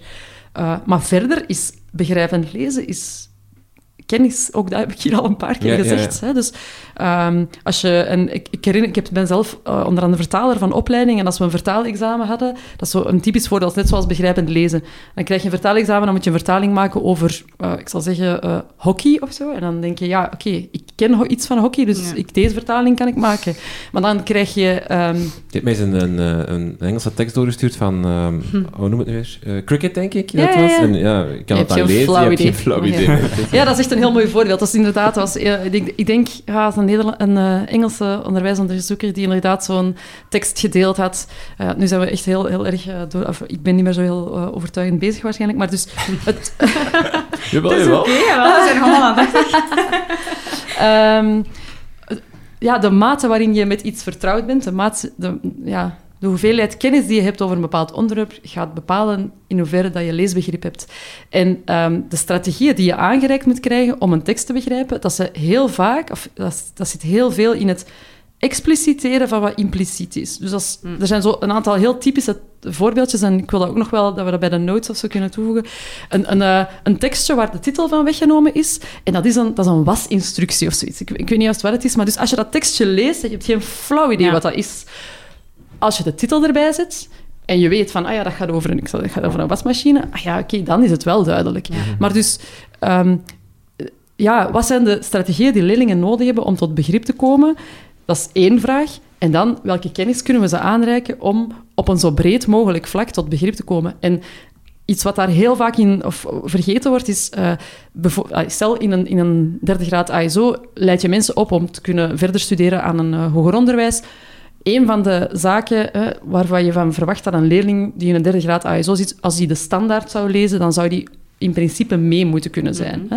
Dus dat betekent eigenlijk dat je de kennisbagage moet kunnen aanreiken die iemand nodig heeft om een krant als de standaard te kunnen lezen. Dat is eigenlijk het doel. Want wat doet de standaard? De standaard heeft zijn doelpubliek en die gaan bepaalde zaken waar, wij, waar zij van zeggen, oké, dat is dat, dat, dat vraagt je, dat parate kennis is bij ons doelpubliek. Ja, dat gaan we niet meer in ons artikel uitleggen. Ja. Ja, als je eh, artikels van Ketnet leest of je, leest, eh, je, je kijkt naar Karawiet, dan gaat er heel wat andere ehm, kennis geëxpliciteerd worden, uitgelegd worden en blijft er andere dingen impliciet. hè. Dus ehm, eh, je- wanneer mensen teksten schrijven, gaan ze zaken impliciet laten waarvan ze verwachten dat mensen die die teksten gaan lezen, dat die dat kennen. Ja. En het is dus een kwestie van enerzijds leerlingen, ja, enerzijds leerlingen bagage bij te brengen om die kennis te hebben, en anderzijds ze strategieën aan te reiken om ervoor te zorgen dat ze weten wat ze moeten doen als ze kunnen, moeten kunnen aantonen dat ze iets begrijpen. Maar kan je dan eigenlijk... Want volgens mij... Kan je dan eigenlijk lezen of leesvaardigheid dan evalueren? Hè? Want je ziet, als je het begint te evalueren, kom je in een soort van eh, patroon wat, waar Arjen Lubach mee lacht of waar hij kritiek op heeft. Ehm, je zit heel vaak met het kennisdeel dat, dat nooit voor al je leerlingen gelijk is. Hè? Je kan dan een tekst nemen over Harry, over Harry Potter, maar dan heb je toch altijd vijf leerlingen die niet Harry Potter gelezen hebben en eigenlijk een achterstand hebben op die leestoets. Moeten we het dan loslaten, dat evalueren van lezen? Nee. maar hoe Eh, doe je het dan? Ja, het is, het, is een, het is een zeer boeiende vraag, denk ik, waar we te weinig over nadenken. Ehm, ik denk dat je bijvoorbeeld ook wel kan checken of een leerling de strategieën kent om tot begrip te komen. Dus ehm, dat is een andere vorm. Dat is een, ik weet niet of je, want je kijkt nu heel bedenkelijk. Ja, ik, ik ben benieuwd hoe, hoe dat, het dan moet. Ja, dus je wil weten of een leerling de hoofdgedachte er kan uithalen. Ja. hoe, vraag je hem hoe hij eraan begint. En waar, op basis waarvan concludeert hij dat dat de hoofdgedachte is van een tekst. En dan kan je zeggen, oké, in de titel staat er dit. In de eerste regel van een... Dus bijvoorbeeld, wij stellen vaak de vraag, is er een inleiding? Uh, ja of nee? Verklaar. Dus dat zou dan, is eigenlijk een voorbeeld van, want je, je, je probeert dan, of dat hij een tekststructuur, dus een tekstopbouw begrijpt dat er een inleiding bij de slot is. En dan mhm. gaat hij zeggen, ja, er is een inleiding, want die staat apart. En er staat de, de korte inhoud van de tekst op. Daar wordt al kort samengevat wat er in die tekst gaat gebeuren. Dat is zo'n soort van... Bijvoorbeeld, ja. Maar zou je dat dan... Sorry dat ik onderbreek, maar zou je dat dan bijvoorbeeld doen waarvan dat je weet... je had nu het voorbeeld gegeven van... je hebt het over Harry Potter en vijf leerlingen ja, die, die hebben het gewoon eigenlijk niet correct. Omdat zij dat nog nooit hebben gehoord, gaat dan bijvoorbeeld bij die vijf leerlingen zeggen van oké, eens zien wat dat eigenlijk hun interesse is, of waarvan dan zij toch weten over hebben, en dan van daaruit vertrekken en zo testen. Ja, maar dan bot je op haalbaarheid natuurlijk. Hè? Ja. dat is totaal niet haalbaar. Ik zou in deze tijden dat soort dingen niet durven voorstellen. um, maar, maar ik wil wel... Uh, ja, ik, kreeg deze week een mail uh, van uh, Tim Surma, hier ook wel uh, bekend, denk ik. Vriend van de ehm, podcast. Vriend van de podcast. en, uh, en Tim en ik uh, hebben al een hele tijd een idee van we willen iets doen rond leesvaardigheid. Hoe, hoe pak je dat aan? Um, want ik, ik, denk wel, als je als leerkracht wil weten van wat haalt een... Of, wat haalt een leerling uit een tekst? Dat je hem wel bepaalde bagage moet meegeven. En een van de werkvormen die je kan hanteren is, voordat je een tekst, een moeilijke tekst leest, dat je inderdaad wel eerst op de kennis gaat inspelen. Van kijk, dat is een tekst die hierover gaat, je gaat dat wat inleiden. En vaak in methodes gebeurt dat ook wel, hè, dat een onderwerp ingeleid wordt, al was het met een filmpje. Maar dat je wel uh, de leerling het gevoel heeft van oké, je gaat een leestest doen, niet zomaar out of the blue, maar wel een beetje gekaderd met eventueel een aantal begrippen die je hebt uitgelegd, zodat ze ja, daar niet op botsen. En dan kijken van oké, wat wil je nu dat die leerling daaruit haalt? Er worden, argument, worden er argumenten gegeven voor of tegen, dat je, dat je meer naar de inhoud gaat kijken, van hoe is dat opgebouwd, met uh, welke conclusie haal je uit die tekst. Maar daarvoor moet die leerling wel bepaalde begrippen, denk ik, mee hebben. Mhm. En dus, uh, ja, ik, Tim, uh, ik heb je mail gelezen, we gaan er iets aan doen. Fantastisch. Oké, okay, we gaan naar waarderend coachen en eigenlijk vooral over talenten. Mhm. Leila, je hebt een aantal artikels meegebracht die gaan over het benoemen en zichtbaar maken van talenten, over, over die verbinding waar je het daar straks al even over had. Ja, dat klopt. Waarom wil je dit, uh, dit aankaarten? Um, omdat ik dat zo belangrijk vind. Uh, wij zijn binnen het onderwijs eigenlijk zo gefocust op eindtermen, op uh, doelen, op wat wij allemaal moeten doen. Maar wij vergeten eigenlijk het sociaal-emotionele van leerlingen, maar ook het sociaal-emotionele van leerkrachten. Waarvan wij eigenlijk zeggen, welbevinden van leerlingen staan centraal. En dat blijft ook effectief zo. Um, maar waarom wordt dat ook geen vak? Uh, we hebben heel veel vakken, maar waarom wordt sociale vaardigheden bijvoorbeeld gewoon geen vak binnen het onderwijs? Waarom werken we daar niet aan? We merken dat leerlingen uh, vaak in conflict komen. Uh, je merkt dat zelfs al in de kleuterschool bepaalde gedragingen vertonen, waarvan ze eigenlijk iets willen duidelijk maken. Maar ze kunnen hun emoties eigenlijk geen... Ja, ze kunnen het niet benoemen. Ja, dan verlies je als leerkracht enorm veel tijd door constant uh, conflicten op te lossen. Voordat je kunt starten met je activiteit of met je les, zijn je wel al tien minuten of een kwartier later. Dus op een duur zijn je moe als leerkracht en denk je van verdorie, wat is dat hier eigenlijk altijd? En dan heb ik, dan zou ik echt voorstander zijn van, we geven dat echt als vak. Dat zijn vaardigheden die de leerlingen nog niet hebben.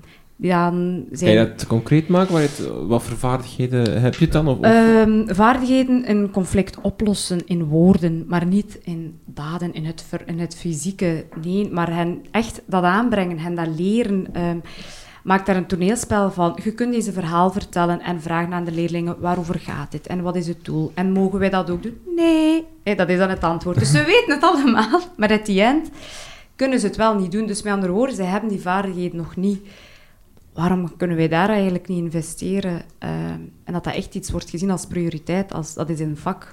Dat gaan we echt meegeven aan de kinderen. En dat we daarmee beginnen vanaf de kleuterschool eigenlijk. Past daar ook die, dan, die, die zoektocht naar, naar je talent en het zichtbaar maken van talenten van elkaar, dat iedereen een talent heeft, daar ook binnen? Sowieso. Dat, dat, daar wil allee, dat is ook iets dat, wat, dat, daar, allee, waar je, wat je aan terug kunt koppelen. Want uh, bijvoorbeeld iemand die een conflict heeft, uh, die kan misschien heel goed vertellen wat er is gebeurd. Ja, dat is een talent van, van die leerling. Dus dat mag ook echt wel benoemd worden. Maar je kunt dat ook ergens anders inzetten binnen je klas gebeuren. Die mag eens eventjes uh, voor een klas staan en, en vertellen wat dat wij vandaag gaan doen. Of dat kinderen ehm, meer hun talenten gaan zien en niet als, oh ja, die is verveeld, want die doet altijd iedereen pijn. Oké, dat je daar rond kunt werken. Ja, ik weet niet hoe, hoe dat jullie dat zien. Ja. Ja, uh, ja, ik probeer het. Was het werd notities gemaakt, ja. dus volgens mij niet twee uh, nee, nee, ik was aan het noteren. Uh, wij werken op school met, een, met een, een, een vierladenmodel. Ja. Dus, dus, dus ja, dat, hey, en dat helpt ons al, maar dat is natuurlijk misschien niet de oplossing. Okay, dus concreet, wat is een vierladenmodel? concreet, als er iets mispeuterd wordt, er gebeurt iets, kunnen wij dat... Um, um, ja, um, catalogiseren in, in, uh, in een van de vier laden. Dus dat kan zijn dat het iets eenmalig is, maar wel Ja. ernstig. Een ernstig feit, maar eenmalig. Het kan ook een eenmalig feit zijn die eigenlijk niet zo ernstig is, huiswerk vergeten of zo. Uh, maar het kan ook meermaals een ernstig zijn, of meermaals en niet zo ernstig. En uh, dus de straffen, ja, dat klinkt niet zo erg, maar de, de sancties die daaraan gekoppeld zijn, zijn vooraf afgesproken. En, en dus komt de leerling niet meer tot tot verrassingen. Maar natuurlijk, dat staat nog wel los van, van die, die, die vorming, hè, die sociale vorming. Um, ik probeer in mijn klas vooral... Ja, dat is, dat is ook geen vak bij ons. En ik, ik heb zo ook een beetje van... Moeten we nog een extra vak in het onderwijs gooien? Akkoord, maar dan zou ik ook graag hebben dat er één uitvalt. Ja.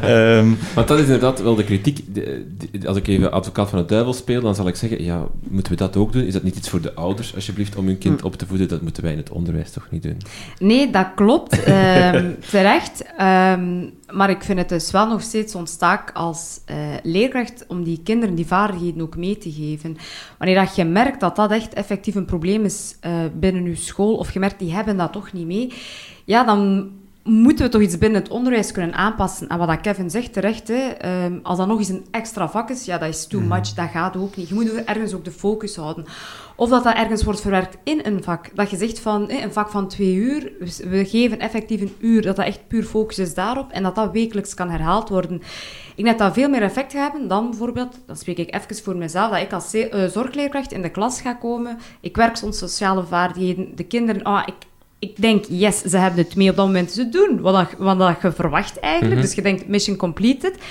En dan pak twee uur later is er een conflict en bam, ineens weet ze het niet meer. Logisch, hè? Dus je geeft de tools, maar ik vind daar moet echt in geïnvesteerd worden gewoon. Ja, een nieuw vak in het onderwijs. Ik weet, in, in 1B heb je het vak sociale... Allee, geven wij het vak sociale vorming bij ons op school. Dat is een uurtje per week. Um, ik denk dat het zo heet, ja, sociale vorming.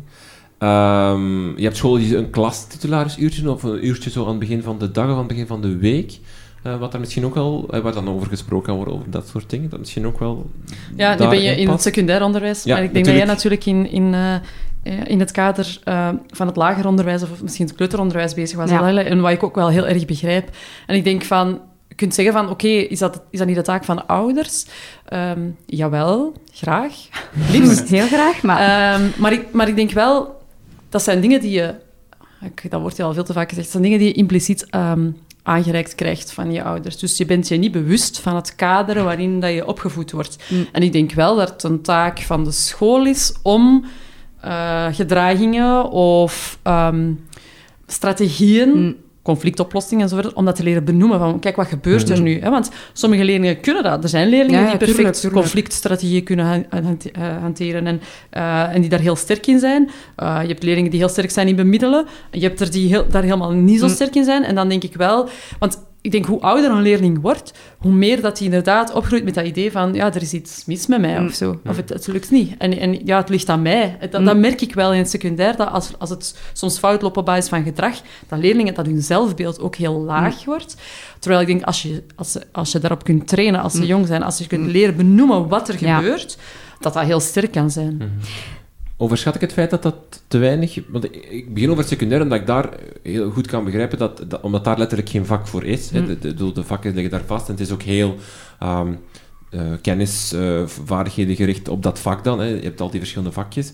Eh, Onderschat ik het feit dat dat dan te weinig gebeurt in het, eh, in het lager en in het, in het ehm, eh, kleuteronderwijs? Is het... Ik denk het wel. Volgens mij wordt dat te weinig gedaan. Ik merk dat, dat leerkrachten zich gefrustreerd voelen omdat er dagdagelijks conflicten zijn. En dan stel ik mij de vraag... Maar ja, als er zoveel conflicten zijn, aan wat ligt dat dan? Tuurlijk, hè, er, zijn, er zullen onderliggende oorzaken zijn, hè, daar niet van.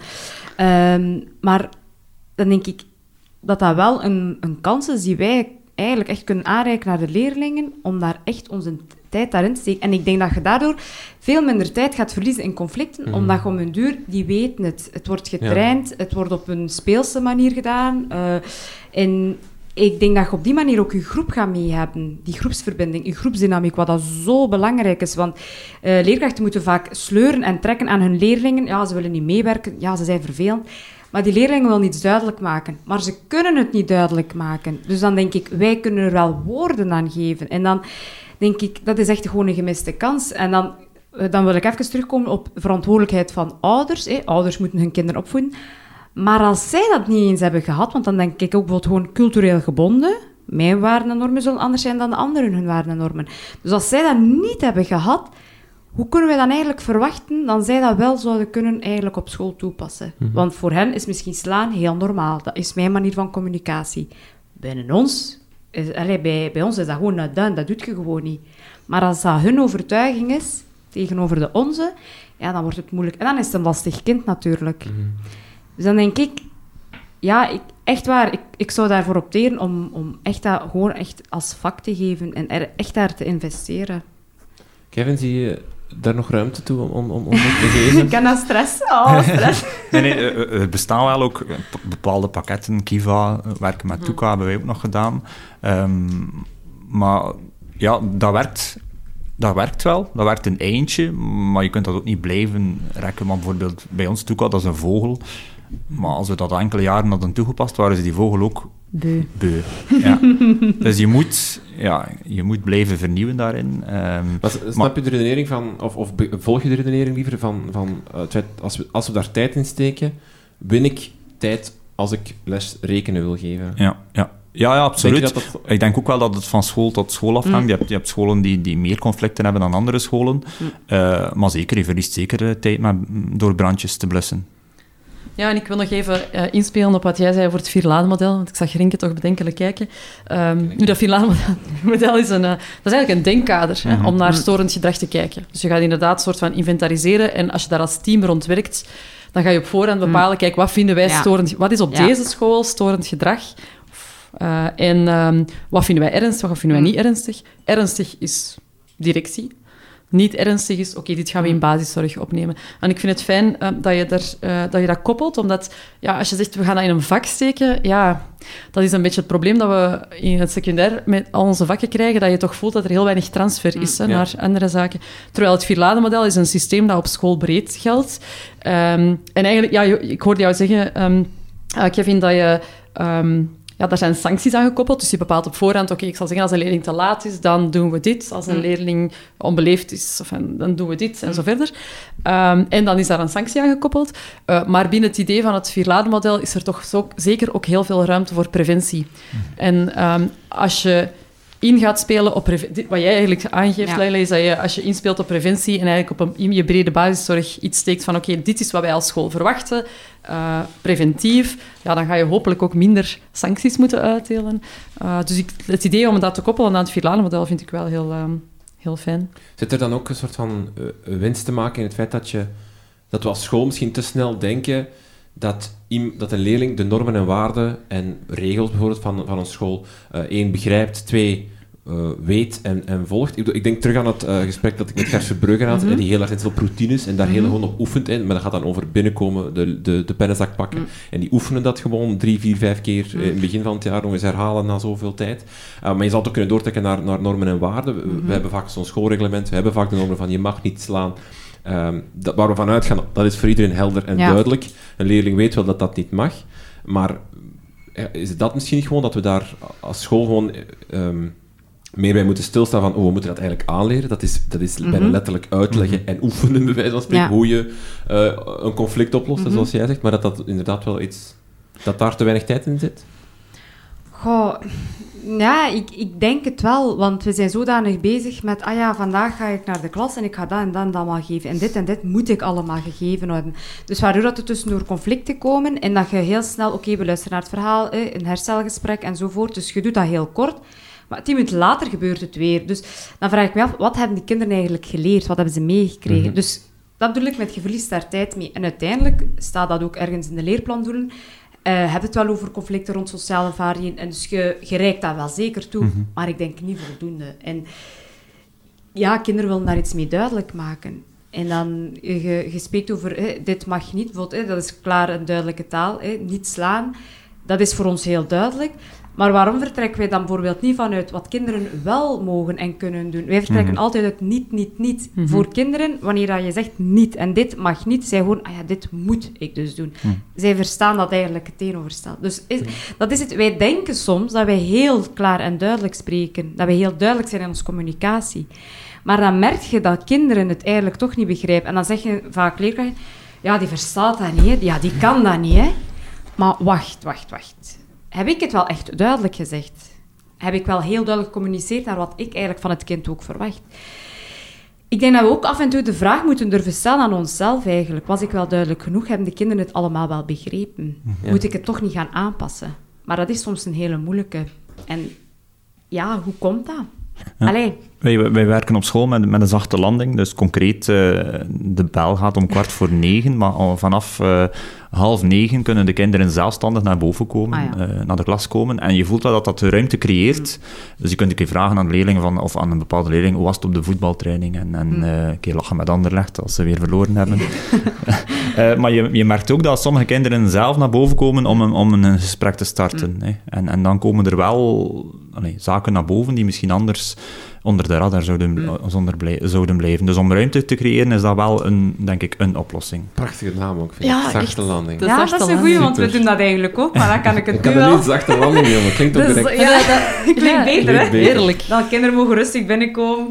Zachte landing. Eh, Kevin, we gaan het hebben over de vaste benoeming. Die eh Ben Wijts wil die eh, vervroegen. Normaal kan je dat maar aanvragen nadat je twee jaar anciëniteit hebt op één school. Dus dat je THD... Nee, ik weet niet of dat... eh, is het overal THDD? Is dat Mhm. verschilt dat systeem? Nee, Nee. Dat is overal THDD.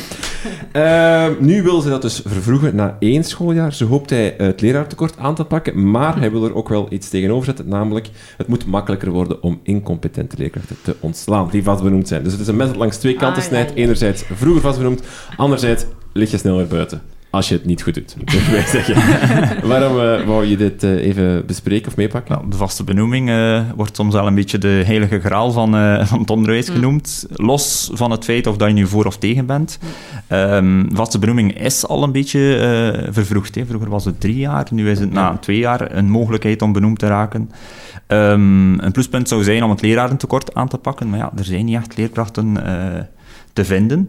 Ehm, ja, het is ook soms een beetje een gouden kooi, die, die, die vaste benoeming. Eh, ik denk dat voor veel mensen die dan eh, de vaste benoeming beet hebben, soms een drempel is om, om, om, ja, om iets anders te doen of om hun horizonten te, te verbreden. Ehm, misschien concreet, ja, ik ben ook, ik ben ook vast benoemd, maar het is, het is geen... Ja, het is geen Ehm, het zijn nog risico's, bijvoorbeeld als je daalt in leerlingenaantal, aan- aantallen, zoals bij ons het geval is. Ik ben de laatste in de volgorde van dienstanciëniteit, dus eh, wij dalen in leerlingenaantallen. Dus eh, dat wil zeggen dat binnen een aantal jaar kom ik op de Vlaamse reaffectatiecommissie en ga ik ergens geplaatst worden waar ze een leerkracht nodig hebben. Dat kan tot 60 kilometer rond mijn woonplaats zijn. Dus het is...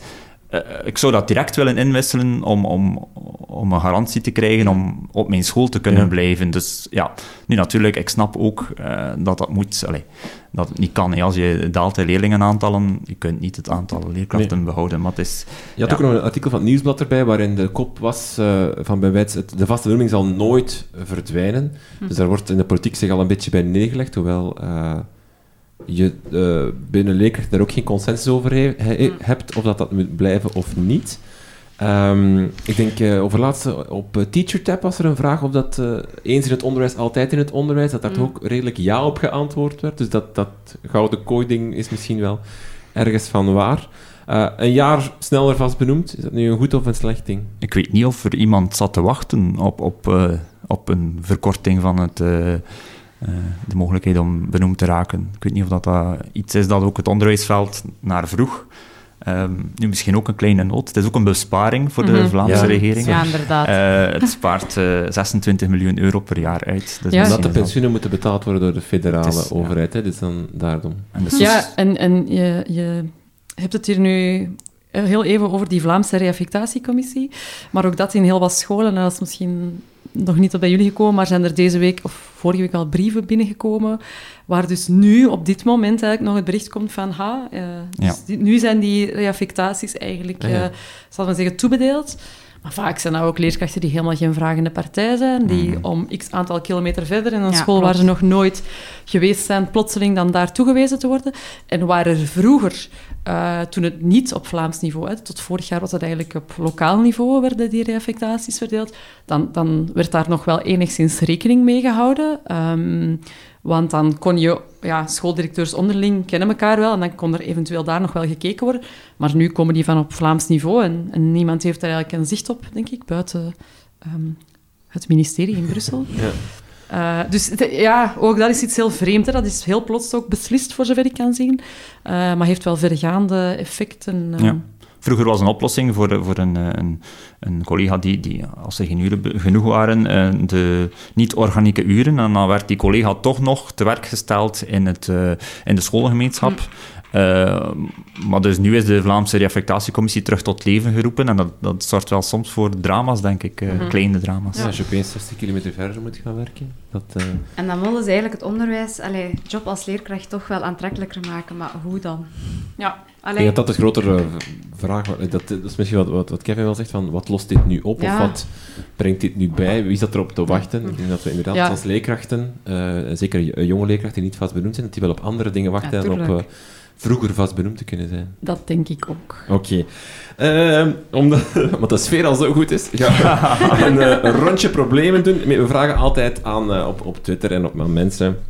Uh, hebben jullie problemen? Zijn er problemen die zijn tegengekomen afgelopen maand? En dan leg ik die voor aan mijn panel van experten. Uh, ik ga zelf met mijn een eigen, een eigen ding dat ik heb. Mm -hmm. tijd en toetsen. Namelijk, ah, ja. hoe bepaal je hoe lang een toets mag duren? en dus dat is één. Want ik, ik, wil, ik, vind, ik vind een toetsen die een les duren, ik heb daar een beetje uh, problemen mee. Zeker, ik geef les aan de eerste graad. Ik vind dat eigenlijk te lang. En dan, dan heb je er altijd... Het verschil is ook altijd groot. En dan heb je altijd die zo... Ja, nog, nog een laatste woord schrijven. En dan gaat de bellen. denk ik, ja, heb je niet eens nagekeken. Maar fijn. Hè, dus ik wil eigenlijk... Dat ik goed kan inschatten, mijn toets duurt een half uur. Hè, dat dat dan een beetje varieert. Oké, maar goed. Twee... Um, moet je altijd heel transparant zijn over hoe lang de toets mag duren. Um, en moet je dat dan zo ver drijven dat je bij ons spreken een aftelklok projecteert die, die, die aantoont van kijk, je hebt nog zoveel tijd. Je wil eigenlijk zeggen dat jij graag zo de leraar bent uh, en nu afgeven. En dan echt zo die paniek, want iedereen is aan het schrijven. Nee, ja. wat het punt is, ik kom nu met een toets af en dan, dan zou ik graag willen zeggen van kijk, je hebt een half uur en je kijkt op de klok, je hebt nog een half uur. Maar ik weet het niet. Hmm. Ik wil ook niet zeggen, je hebt een half uur en dan merk ik, oei, de helft is nog niet klaar. En dan onderhaal je, want dan hebben er sommigen wel heel hard doorgewerkt en dan haal je je eigen ja. Um, uh, ja, uitgangspunt onderuit. Is het, is het dan geen optie bijvoorbeeld dat je, als je weet, hè, je, je, kent je groep en je weet, ah ja, dat zijn een, zoveel aantal leerlingen die uh, hebben echt gewoon meer tijd nodig. En je weet, andere groep, allee, de andere helft van je klas heeft, ja, binnen een half uur heeft hij wel de toets klaar. Dat je dan gewoon iets voorziet voor diegenen die eigenlijk sneller klaar zijn, waaraan ze wel rustig uit de klas, ik weet niet of dat die mogelijkheid er ook natuurlijk is, dan die dan eigenlijk er iets anders doen. En ja, dat kan zeker, maar het gaat mij over... Uh, dat, dat kan zeker... Hè, dat, laten vroeg laten afgaan, maar het gaat mij over dat ik, dat ik een toets geef die, die, waarvan ik weet, kijk, die duurt, en dat is ook ja, bijna objectief of zo kan mm zeggen, dat is een toets waar dan een leerling, de gemiddelde leerling, in een tweede middelbaar een half uur over doet. En als hij goed gestudeerd heeft, dan doet hij daar een half uur over. Allee, of gemiddeld, allee, dus dat, dan kan hij dat op een half uur doen. Um, hoe weet ik dat? ja, ik, uh, toen ik begon les te geven, dan hanteerde ik voor mij wel een, een stukje uh, een vermenigvuldiging te doen van wat ik zelf deed. Dus ah, dat ik hem zelf invulde. Uh, en dan, hoeveel dan? ja, dat hangt er een beetje vanaf wat voor soort test het is. Maal drie of maal vijf, denk ik. Okay. Amai. Nee? Ja, ja, ik, ik, ja, ja. ja, het is gewoon denk ik, um, een... Um, ja, dat is gewoon... Uiteindelijk gaat... Ja, ook tussen ons zou er nog een verschil kunnen zijn in hoe snel wij iets invullen. Ja, dat is waar. Ja, uh, maar ik wil zeggen, dat is gewoon iets waarmee je nee, dat is geen probleem, Karen. Uh, zo goed ken ik jou niet. um, ja, ik, um, het is op zich wel een boeiend onderwerp, omdat ik...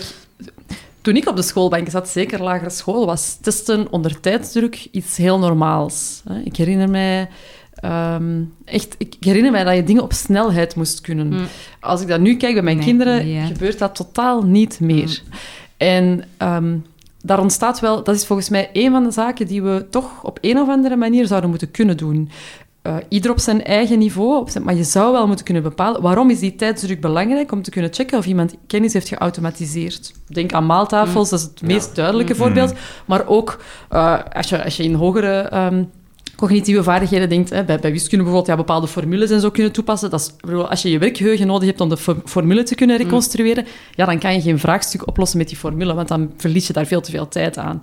Dus um, we zijn totaal dat idee kwijtgeraakt dat je bepaalde dingen wel op tijd moet kunnen doen. Heel mooi voorbeeld, ik kwam deze week een uurtje studie in een klas en die waren oefeningen Frans aan het doen. En die, ja, dat was Je viens de, uh, dus de, hoe heet dat, de passé... Récent, ja, inderdaad. Uh, ik heb net iets gedaan of zo. Dus, en dan, oké, okay, ze hebben dan geleerd, dat is dan onderwerp plus venir, de plus infinitief. Ja. En dan, ze, op een gegeven moment zou je toch wel moeten... Je viens de faire quelque ja. chose. Maar ze, ze, ze, komen daar niet toe. Waarom komen ze daar niet toe? Omdat we ze de hele tijd de tijd geven. Ja, maar denk even na. Dat, dat, dat, dat, dat En dan mis ik heel erg werkwoordspelling. Nederlands, heel mooi voorbeeld. Als je dat niet traint totdat je dat automatisch kan, dan ga je nooit een tekst schrijven zonder fouten in. Mm-hmm. Want op het moment dat je die tekst aan het schrijven bent, op het moment dat je die tekst aan het schrijven bent, moet je niet bezig zijn met is dat nu een T of een D, mm. moet je met de inhoud van die tekst ja. bezig zijn. Ja. Um, en dat je fouten maakt af en toe, dat is niet zo erg. Maar als je het altijd moet doen, mm. ja, dan ben je eigenlijk heel de tijd bezig met dingen waar je niet bezig moet zijn. En, uh, dus het, het, het, idee van tijd en toetsen vind ik een, um, dat is wel een bijzonder vraagstuk. Uh, ik denk dat je zeker voor jezelf dan moet kijken van... Ik denk, durven streng genoeg zijn. Als ik woorden ga toetsen, dan, dan als zeg ik, ik soms echt... kennis toets, dan mag ik wel zeggen van... Mm-hmm. Tuurlijk. Ja, dan Ja, moet ik het- bedoel, als je, als je uh, tien uh, werkwoordsvormen moet invoegen, of tien woordjes moet vertalen, en dan als je Frans geeft, dat je zegt van, kijk, vijf, tien minuutjes, en dan moet die klaar zijn, Ja. anders Ja. heb je gewoon niet Mhm. genoeg gestudeerd. Ja. Laat ons eerlijk zijn, tien woorden schrijf je op één minuut Ja, neer. ja, ja. Ja, ja, klopt. dat is echt... Allee, Ja. Ik bedoel, als je wil weten of iemand zijn maaltafels kent, dan moet je naar zoveel sommen op één of twee minuten ja. gaan. Want anders ja, zijn die leerlingen aan het tellen. Ik zie dat bij mijn eigen dochter. Dan, dan 6 maal 8. En dan zie ik ze kijken en dan is zo, ik ze weet dat 7 maal 8, uh, 7 maal 6 42 is. En dan telt ze nog sneller. En, en dan komt dan 48. Ja, dat is nu net niet de bedoeling van Ja. de maaltafels, lijkt mij. Ehm, eh, ehm, moet, je dat trans- moet je daar transparant over zijn? Ja. Ik denk ook niet dat er een probleem is met een foute inschatting van een duur van een test. Als jij zegt, je Ja. werkt er een half uur aan, maar ik wil wel dat je doorwerkt. En je zorgt dat je op een systematische manier die vragen. En blijkt dat de hele klas, dat er te veel leerlingen zijn die niet rond zijn geraakt, ja, dan, dan, dan hou ik daar wel rekening mee bij mijn evaluatie. Je wil, eigenlijk is een, een test ook maar gewoon een check van iets. En, Ja, hebben ze het mee of niet? Begrijpen ze het of niet? Voilà, Eh. ja. Ik probeer mijn toetsen zoveel, alleen niet altijd, maar vaak te beperken tot een vijftal vragen. Zo'n beetje met het principe van, wat ga je na twintig vragen weten dat je na vijf vragen nog niet weet? Mm. Misschien de, dezelfde redenering een beetje. Wat ga je bij een toets van 30 minuten, zoals jij ze, ze maakt drinken, wat ga je weten na 50 minuten dat er eigenlijk nog niet duidelijk zal zijn na 30 minuten invullen van de toets? Zoveel zal dat niet, niet schelen. Die leerlingen gaan niet in 20 minuten extra eh, ja, eh, dubbel scoren, denk ik. Oké. Iets waar ik nog meer aan dacht, zijn, zijn het idee van bonusvragen. Ehm, omdat je... ehm, soms merk ik, hè, zeker sterkere leerlingen, ehm, dat die toch op een test te weinig uitgedaagd worden door de test zelf. Hè. Dus je merkt dat jouw gemiddelde leerling, oké, daar is die test oké om te checken, kan die dat? Maar een sterke leerling, ja, die, die wordt niet uitgedaagd. Dus die wordt ook niet aangemoedigd om even efficiënt te studeren een volgende keer als die studeert.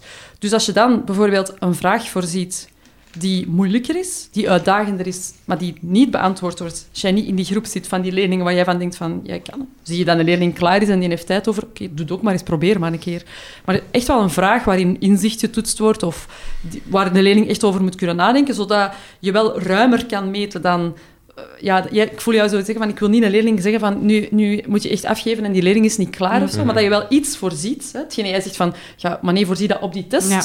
Iets waar je over kan nadenken, die leerstof in verband brengen met een ander leerstofdeel. Heeft, heeft hij er ooit al iets van gelezen of gehoord in het nieuws en zo verder. Ehm, zodat die leerling wel bezig is, dat je dat eventueel ook kan evalueren. Ehm, ik spreek nu over een bonusvraag. Als ik zelf bonusvragen geef, dat, ik tel geen punten op bij een evaluatie zelf, maar ik zal dat altijd op een aparte evaluatie nemen. Dus een test op 10, een leerling haalt zijn resultaat op 10. En daarnaast heb ik nog een bonusvraag op 2 punten. Dat is een aparte kolom in mijn puntenboek. En iemand die die bonus, een bonusvraag betekent, als je het goed hebt, krijg je de punten. Als je het niet goed hebt, Is dan heb, je niks. ja. dan heb je niks. Je verliest er niks mee. En kan je een soort van... Want bijvoorbeeld, eh, voor kennistoets inderdaad is het, is het vrij duidelijk. Dan gaat het over automatiseerd of gestudeerd. Ja, al- ja dan nee. Eh, maar bijvoorbeeld voor lezen zit het met een heel ander... Ja, lezen bijvoorbeeld, dan heb je vaak gewoon het verschil in leesniveau. eh, de, de, de dyslexie of dergelijke die het die het moeilijker maken om te lezen. Wat niet wil zeggen dat hij eh, minder of, of, of beter zal scoren bij toetsen. Dat heeft gewoon heeft iets meer tijd nodig. Zou je daar een systeem kunnen toepassen van... Je, je hebt een heleboel vragen, zal ik maar zeggen, en je maakt gewoon vraag na vraag na vraag. En hoe ver ze geraken in de aantal vragen is niet echt van, van tel of zo. En, en Maar dan ga je vrees ik botsen op leerlingen die zichzelf onder- of overschatten. eh, of die daar stress van ondervinden. Van Ja. ja, maar er staan tien vragen en ik kan er eigenlijk maar drie oplossen.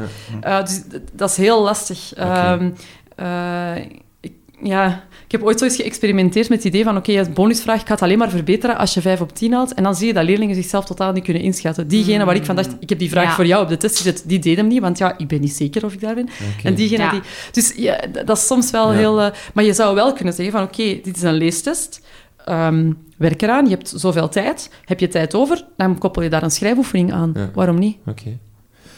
Goed, dankjewel. Eh, We hebben nog een probleem. Dat is misschien eh, eh, ook geen gemakkelijke. Oei. Wat doen scholen rond taalbeleid? Mij, en vooral ook rond cyberpestbeleid. De Aurora van Bel die merkt een, een tekort aan ehm, eh, woordenschat bij haar leerlingen, tweede middelbaar. En ze wil eigenlijk een samenwerking met andere vakken om een soort van woordenlijst aan te leggen eh, met woorden die gekend zouden moeten, moeten zijn. Het gaat niet over vakjargon, maar echt om, om woorden rond, ja, ja, die ze nodig hebben om leerlingen om daarmee om te gaan. Wat zijn jullie ideeën daar rond? Mag ik mijn joker inzetten? Aurora is mijn collega. Ah, is het? Oei. Oei. Nee, nee, Aurora. Het is, ja, ik wil er zeker eh, wel over nadenken. Wel heel grappig, eigenlijk. Ah, we hebben hier direct eigenlijk een, een, eh, een directiemeeting van het Groenendaal College hier opeens. Maandag klasbezoek. ja, direct. Ja, Amai. mevrouw Dadjunct. Jawel, ik, ik herken de nood eh, rond het taalbeleid, staat trouwens op mijn takenlijst. Ehm, eh, ja, eh, ik... Oh, maar nu val ik even stil, hè. Ja. Ja, wij werken wel nog met... Hebben jullie een, ja, woordenlijst? Echt? Wij werken nog met woorden van de week, ja. Ja, maar Ja, Gewoon van, om die woordenschat... eh en ook heel vaak op, op wijzen, ook al is het in een, in, in een vraagstuk of een toepassing van, van, van rekenen, van wiskunde, ehm, snapt iedereen alle woorden die erin staan. En dan kun je ze nog een keer eh, toelichten al, als het nodig is. ja. Werkt zo'n woordenlijst? Daar, daar, was mijn eerste gedachte van, "Wauw, ik weet niet wat zo'n lijst, wat dat nu wel nuttig heeft. Ik, dan zou ik eerder inderdaad, gaat het niet vaak over gewoon er bewust mee omgaan met moeilijke woorden of met, met, met eh, eh, specifieke woorden in een bepaald, eh, bepaalde setting, dat je die gewoon op dat moment benoemt en uitlicht en bespreekt. Maar om, om, om een lijst aan te leggen? Goh, mm, als ik nu gewoon even kijk naar de kleuterschool, ehm, is het bij ons ook wel zo bijvoorbeeld, eh, ze hebben dan een thema die ze aanbrengen en dan staan eigenlijk eh, een aantal begrippen hebben, dus per leeftijd, dat gezegd zeg nu maar, eh, bij de jongste kleuters zijn er drie of vier woorden die we echt wel willen aanbrengen. Daar willen we rond werken. Eh, dan is het mee, je hebt natuurlijk kijkt je ook altijd naar de context van de school. Eh, wat hebben de kinderen nodig en wat is belangrijk om mee te geven? Je kunt hen woorden geven, maar wat zijn ze er achteraf mee? Het heeft geen zin om woorden aan te leren en na een week of twee of drie daar rond te werken als, als ze daar eigenlijk niks mee zijn. Dan heb ik liever, we gaan schooltaal eh, veel meer gaan gebruiken. En om dan terug te komen op je vraag van woordenlijst. Ik denk dat je wel ergens in je achterhoofd toch moet houden van Ja. oké, wat wil ik meegeven aan mijn leerlingen? Eh, wat wil ik op het einde van de rit dat ze wel echt eigenlijk kunnen en beheerst hebben? Dus Misschien heb je die lijst wel nodig om er juist bewust mee ja, om te gaan. als Ja. leidraad. Dat wil niet zeggen van, oké, ik moet dat hier allemaal gedaan hebben, maar wel om toch te weten waar wil ik eigenlijk naartoe gaan en wat wil ik meegeven aan mijn leerlingen. Ja. Ik, ehm, ik deel, denk ik, ehm, die mening wel. Ehm, een woordenlijst kan zinvol zijn, alleen denk ik dat het niet de taak is van één school om dat uit te werken. Dat is een gigantisch werk. Eh, en ik ben helemaal mee met dat idee van woorden aanreiken, maar het is allemaal een kwestie van training. En als ik zelf zie hè, naar een iets hoger niveau, um, rond het idee van academische woordenschat, is er best wel wat beschikbaar. Um, wij gebruiken op school zelf de tool Orient. Dat is een, eh, een eh, tool die gemaakt is uh, aan de, of opgesteld is door de UCLL. Uh, en dat zijn, ja, ik weet niet hoeveel uh, academische woorden, dat zijn echt moeilijke woorden.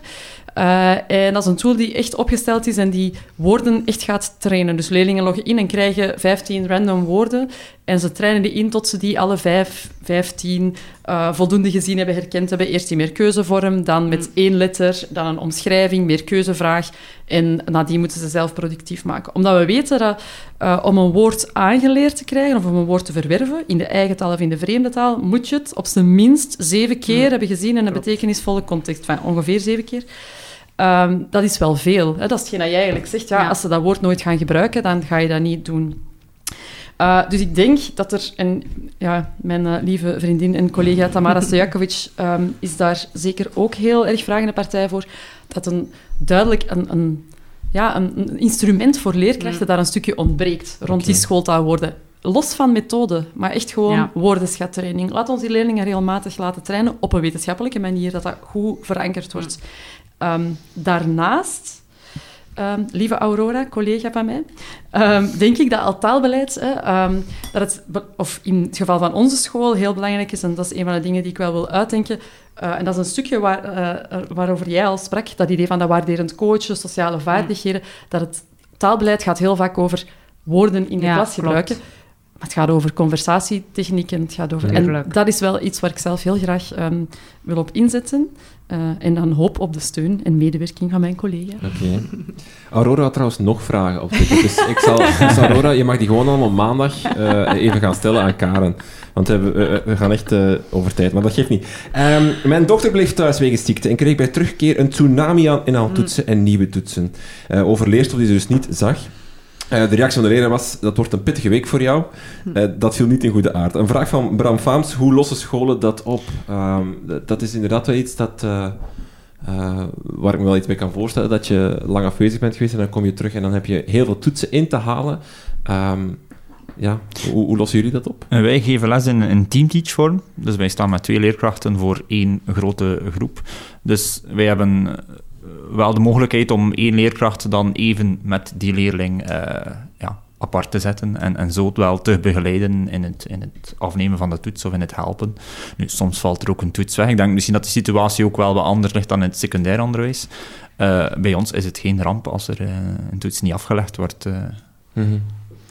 Ja? Het is moeilijk. Uh, ik neem aan, bij de kleuters dat dat nog altijd ja, meevalt. Daarom. ja, daar. Uh. Uh, ja, dus ik, ik voel de blik in deze richting secundair. Het is, het is een heel moeilijk vraagstuk. Um, wij hebben aan collega's heel duidelijk de vraag gesteld om goed na te denken, is het echt noodzakelijk om die testen in te halen? Ik denk dat dat ook heel belangrijk is. het is trouwens niet zo evident om binnen de maatregelen die wij op school hanteren om inhaaltesten te, um, in te leggen. Dus ook daar zit, zit niet alleen de leerling mee een probleem, maar ook de leerkracht. Um, maar het is wel zo, op het moment dat leerlingen nu in quarantaine gaan... Vorig jaar in de lockdown zeiden we, ja, wat je, nu, wat je thuis doet, dat telt niet mee. En nu geven we wel de boodschap, wat je thuis doet. Laat ons weten wat je nodig hebt om te kunnen volgen. Het is de bedoeling dat je bijschrijft en dat je meedraait. En die druk is groot, dat besef ik wel. Mm um, maar ja, in, in, het geval dat beschreven wordt um, uh, door Bram, denk ik echt uh, dat je in gesprek moet gaan met die school. Dat dat ook geen... Ja, dat is een kwestie... Ik denk dat dat een stuk het perspectief van de leerling niet helemaal uh, zien is. Mm -hmm. Dus uh, ja... Ik denk wat, wat je zegt, zei in het begin wel wat interessant is, van, of belangrijk is, dat, dat de directie wel uh, benadrukt van, kijk, denk goed na of dat die toets echt ja. nodig is, want die leerling komt terug uit een niet-ideale situatie. Mm. Ja. is in quarantaine geweest voor x aantal dagen, een week, was misschien ziek, was misschien niet ziek. Hij heeft misschien mensen rondom zich die ziek mm. waren, had misschien geen begeleiding thuis, wel mm. begeleiding thuis. Ja, heel onduidelijk, hè? een hele dus, grote variatie. En dan even zeggen van, maak, maak die toets maar even vlug. Uh, of één toets zal geen probleem zijn, maar een aantal toetsen, ja. snel, snel, ik denk dat dat ja, wel een probleem is. leerling die terugkomt hè, en de eerste dag een test gepland staat en het test stond al gepland, ja, laat zo'n leerling die test meedoen, maar geef hem eventueel de kans om het nadien nog een keer te Ja. doen. Of en we hebben nu gezegd van, als het niet lukt, ja, dan lukt het niet. Hè. Ook vorig jaar hebben we heel, met heel partiële resultaten moeten eh, delibereren. Ehm, ja, dat we bijvoorbeeld een extra inhaaldag organiseren na de proefwerken, waar leerlingen individueel nog bepaalde evaluaties kunnen doen. Als blijkt, hè, ik zal zeggen voor de talen, dat je maar, maar te weinig evaluaties hebt voor lees- of luis- luistervaardigheid, oké, dan zal die leerling nog even een extra test moeten komen doen. Maar het lijkt mij logisch, of ik snap de bezorgdheid van ouders en leerlingen daar zeker wel. Redelijkheid, denk ik. is Ja, belangrijk redelijkheid. Mooi. Ehm, we hebben nog een vraag van eh Doreen Balen. Die had een vraag. Hoe zorg je voor een vlotte combinatie van een live les en een les in levende lijven? Dus ik neem aan dat je eh, les hebt aan leerlingen, maar dat er ook leerlingen live eh, digitaal meevolgen. Zijn er daar tips rond? Super moeilijk, vind ik. Heb jij het al gedaan? Ja. ja. En eh, hoe, hoe werkte het praktisch? Was het met gewoon eh, micro of... of Nee, eh, nee, niet, nee, het was heel, heel basic op zijn Westhoeks. Gewoon een, een laptop opengezet en die leerling kon enkele afgesproken lessen meevolgen. Gewoon dan camera, Skype, bij wijze van spreken? Voilà, ja. op Google Meet. En, ehm, maar ja, je zit met een vertraging. Er waren enkele klassen die dat deden, waardoor dan ons internet... eh, ja, ja, dat zijn de, problemen Ja. de realiteit. Internet kreeg, kreeg het moeilijk. Dat was frustrerend voor die leerling. Die startte dan zijn laptop opnieuw op. Dan moest hij eventjes wachten.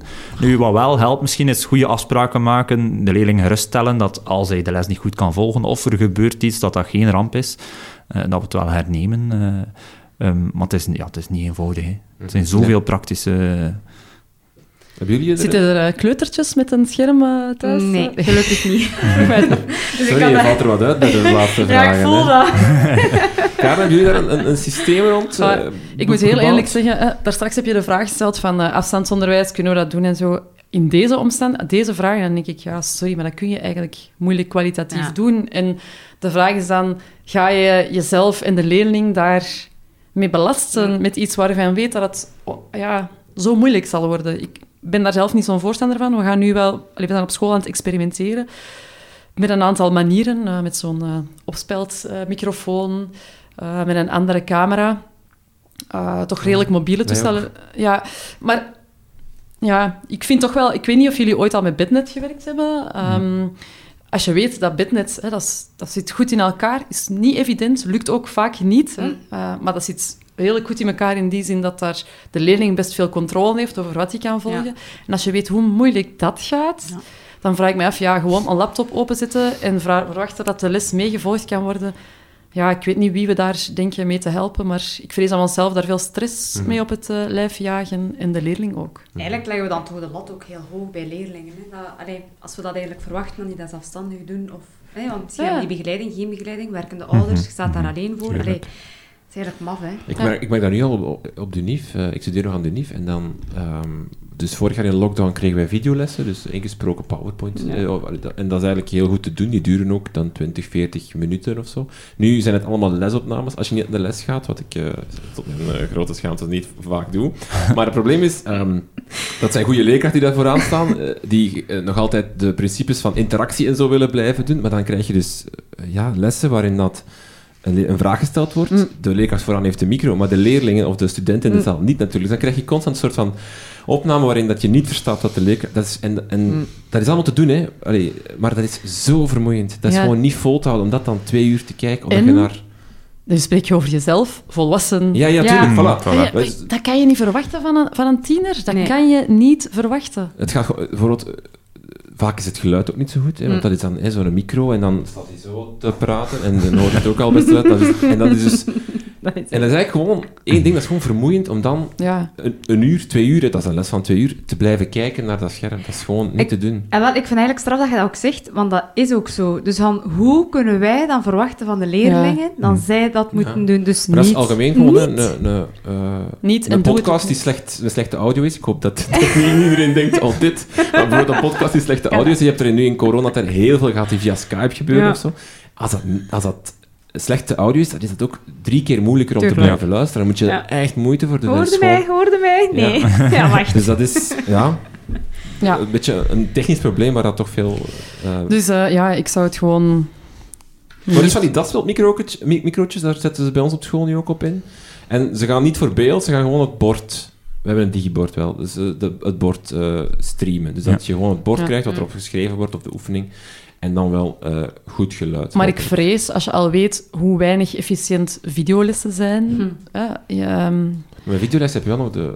Vind, vind ik, vond ik, daar kan je heel goed over nadenken. Hoe kan ik er nu in 20 minuten ja, ja. heel duidelijk, heel vlotjes, zonder versprekingen... Dat weet ik, maar als je dan weet hoe Ja. weinig efficiënt dat al kan zijn, of effectief misschien eerder, ja, dan denk ik dat een, een live-opname... ehm, Mhm. ja. Een valkuil is ook dat de ouders het beginnen te verwachten dan, hè, als je daarmee begint van ja, maar mijn leerling is twee dagen ziek, niet Ja. corona gerelateerd, hè, mag die ook meevolgen. Dus je moet goede afspraken Ja. maken en ja, proberen Ja. duidelijk te maken dat hybride onderwijs dat dat ja, helemaal niet ideaal is. We hebben zo'n voorbeeld van een, ehm, een leerling die helaas lange, eh, langdurige afwezigheid, niet wegens corona, in een ziekenhuis opname. En hadden we de telefoon van een dokter. En die verwachtte dat we in Microsoft Teams, want daar hadden ze in het ziekenhuis goede...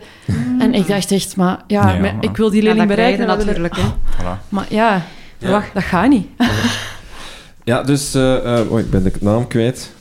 Ik wil nog even terugkijken. Doreen, ehm, eh, we hebben geen oplossing. Dus. Dat is technisch gewoon een, een, een moeilijke zaak, denk ik. Hè. Ehm, Er is wel, ik denk dat schoolmakers, ehm, dat die wel nu daar heel erg op inzetten op afstandsonderwijs. Dus ik, mm, ja, misschien dat daar toch wel enige eh, ideeën te vinden zijn. grote vrienden van de podcast, schoonmakers. Ehm, rondje tools als laatste. We zijn er bijna door. Eh, TeacherTap, Karen. Heb jij opgeschreven? Jawel. Een leuke nieuwe app. Zeer kort, hè. op de Dag van de Leerkracht ehm, is inderdaad TeacherTap gelanceerd. Dat is een app die komt overwaaien uit Groot-Brittannië, eh, ook al in Nederland actief is. En waar een app die elke dag drie vragen voorlegt Ja. aan leerkrachten. Heel breed gamma aan vragen gaande. Gisteren was het eh, de koffie op school. Ja, vis hem lekker of niet. Maar ook heel wat onderwijskundige thema's uiteraard. Ehm, en eh, ja, ik heb er ondertussen ook een blog over geschreven, eh, omdat na de lancering kwam er wel de vraag, ja, die, die vragen zijn nu wel wetenschappelijk gefundeerd. Het ging bijvoorbeeld over de eigenheid van de leerling. Mo- Moet, ah, is, is daar wetenschap, een wetenschappelijk fundament voor om, om daarover vragen te stellen? Maar ik denk, op zich vind ik het wel een boeiende tool. Dus elke dag om half vijf, denk ik, Ja. wordt er een nieuwe, worden er een nieuwe vraag gelanceerd. Je ziet dan ook altijd de resultaten van de vragen van gisteren, die gemakkelijk gedeeld kunnen worden. En je krijgt elke dag een ti- tip mee. En die tips zijn... Ja, deze week stond er een, eh, een filmpje ehm, rond leren leren, bijvoorbeeld. Een filmpje van vijf minuten. Ja. En dat, dat is echt een filmpje dat ik zelf zou willen gebruiken. Dus eh, jawel, ik zou het zeer warm aanbevelen. Niet met de dwang of zo om elke dag die vragen in te, eh, op te lossen. Of, oh ja, oplossen is, is veel op te lossen aan, maar in te vullen. Maar eh, het, het zorgt gewoon dat er wel wat gegevens beschikbaar zijn. Ja. Want wat kan je dan... kan- Want het is niet wetenschappelijk, want iedereen... eh, je- je kan niet kiezen wie het invult. Hè, dus wie dat het wilt, vult Nee. het in. Dus je, dus je steekproef is nee, heel willekeurig, waar je heel weinig vat op hebt. ja. Ehm, wat kan je dan... Is het puur gewoon van, dat je een soort van barometer hebt van, van, de, Ja. leek, van de onderwijspopulatie, ik, waar je ehm, verder niet heel veel mee kan doen? De, de steekproef is, is momenteel toch al behoorlijk groot, heb ik vernomen. Dus, Groter dan eh, Nederland? Ja, dat is eh, heel pijnlijk. Hè? De eerste Ja. dag denk ik dat ze al boven de Nederlandse. Is, eh, Nou, sorry. ja. Ehm, maar ja, dus er was wel wel respons. Maar je krijgt natuurlijk, ja, welke leerkrachten vullen dat nu in? Dat zijn mensen die al op een bepaalde manier, denk ik, in bepaalde dialogen betrokken zijn.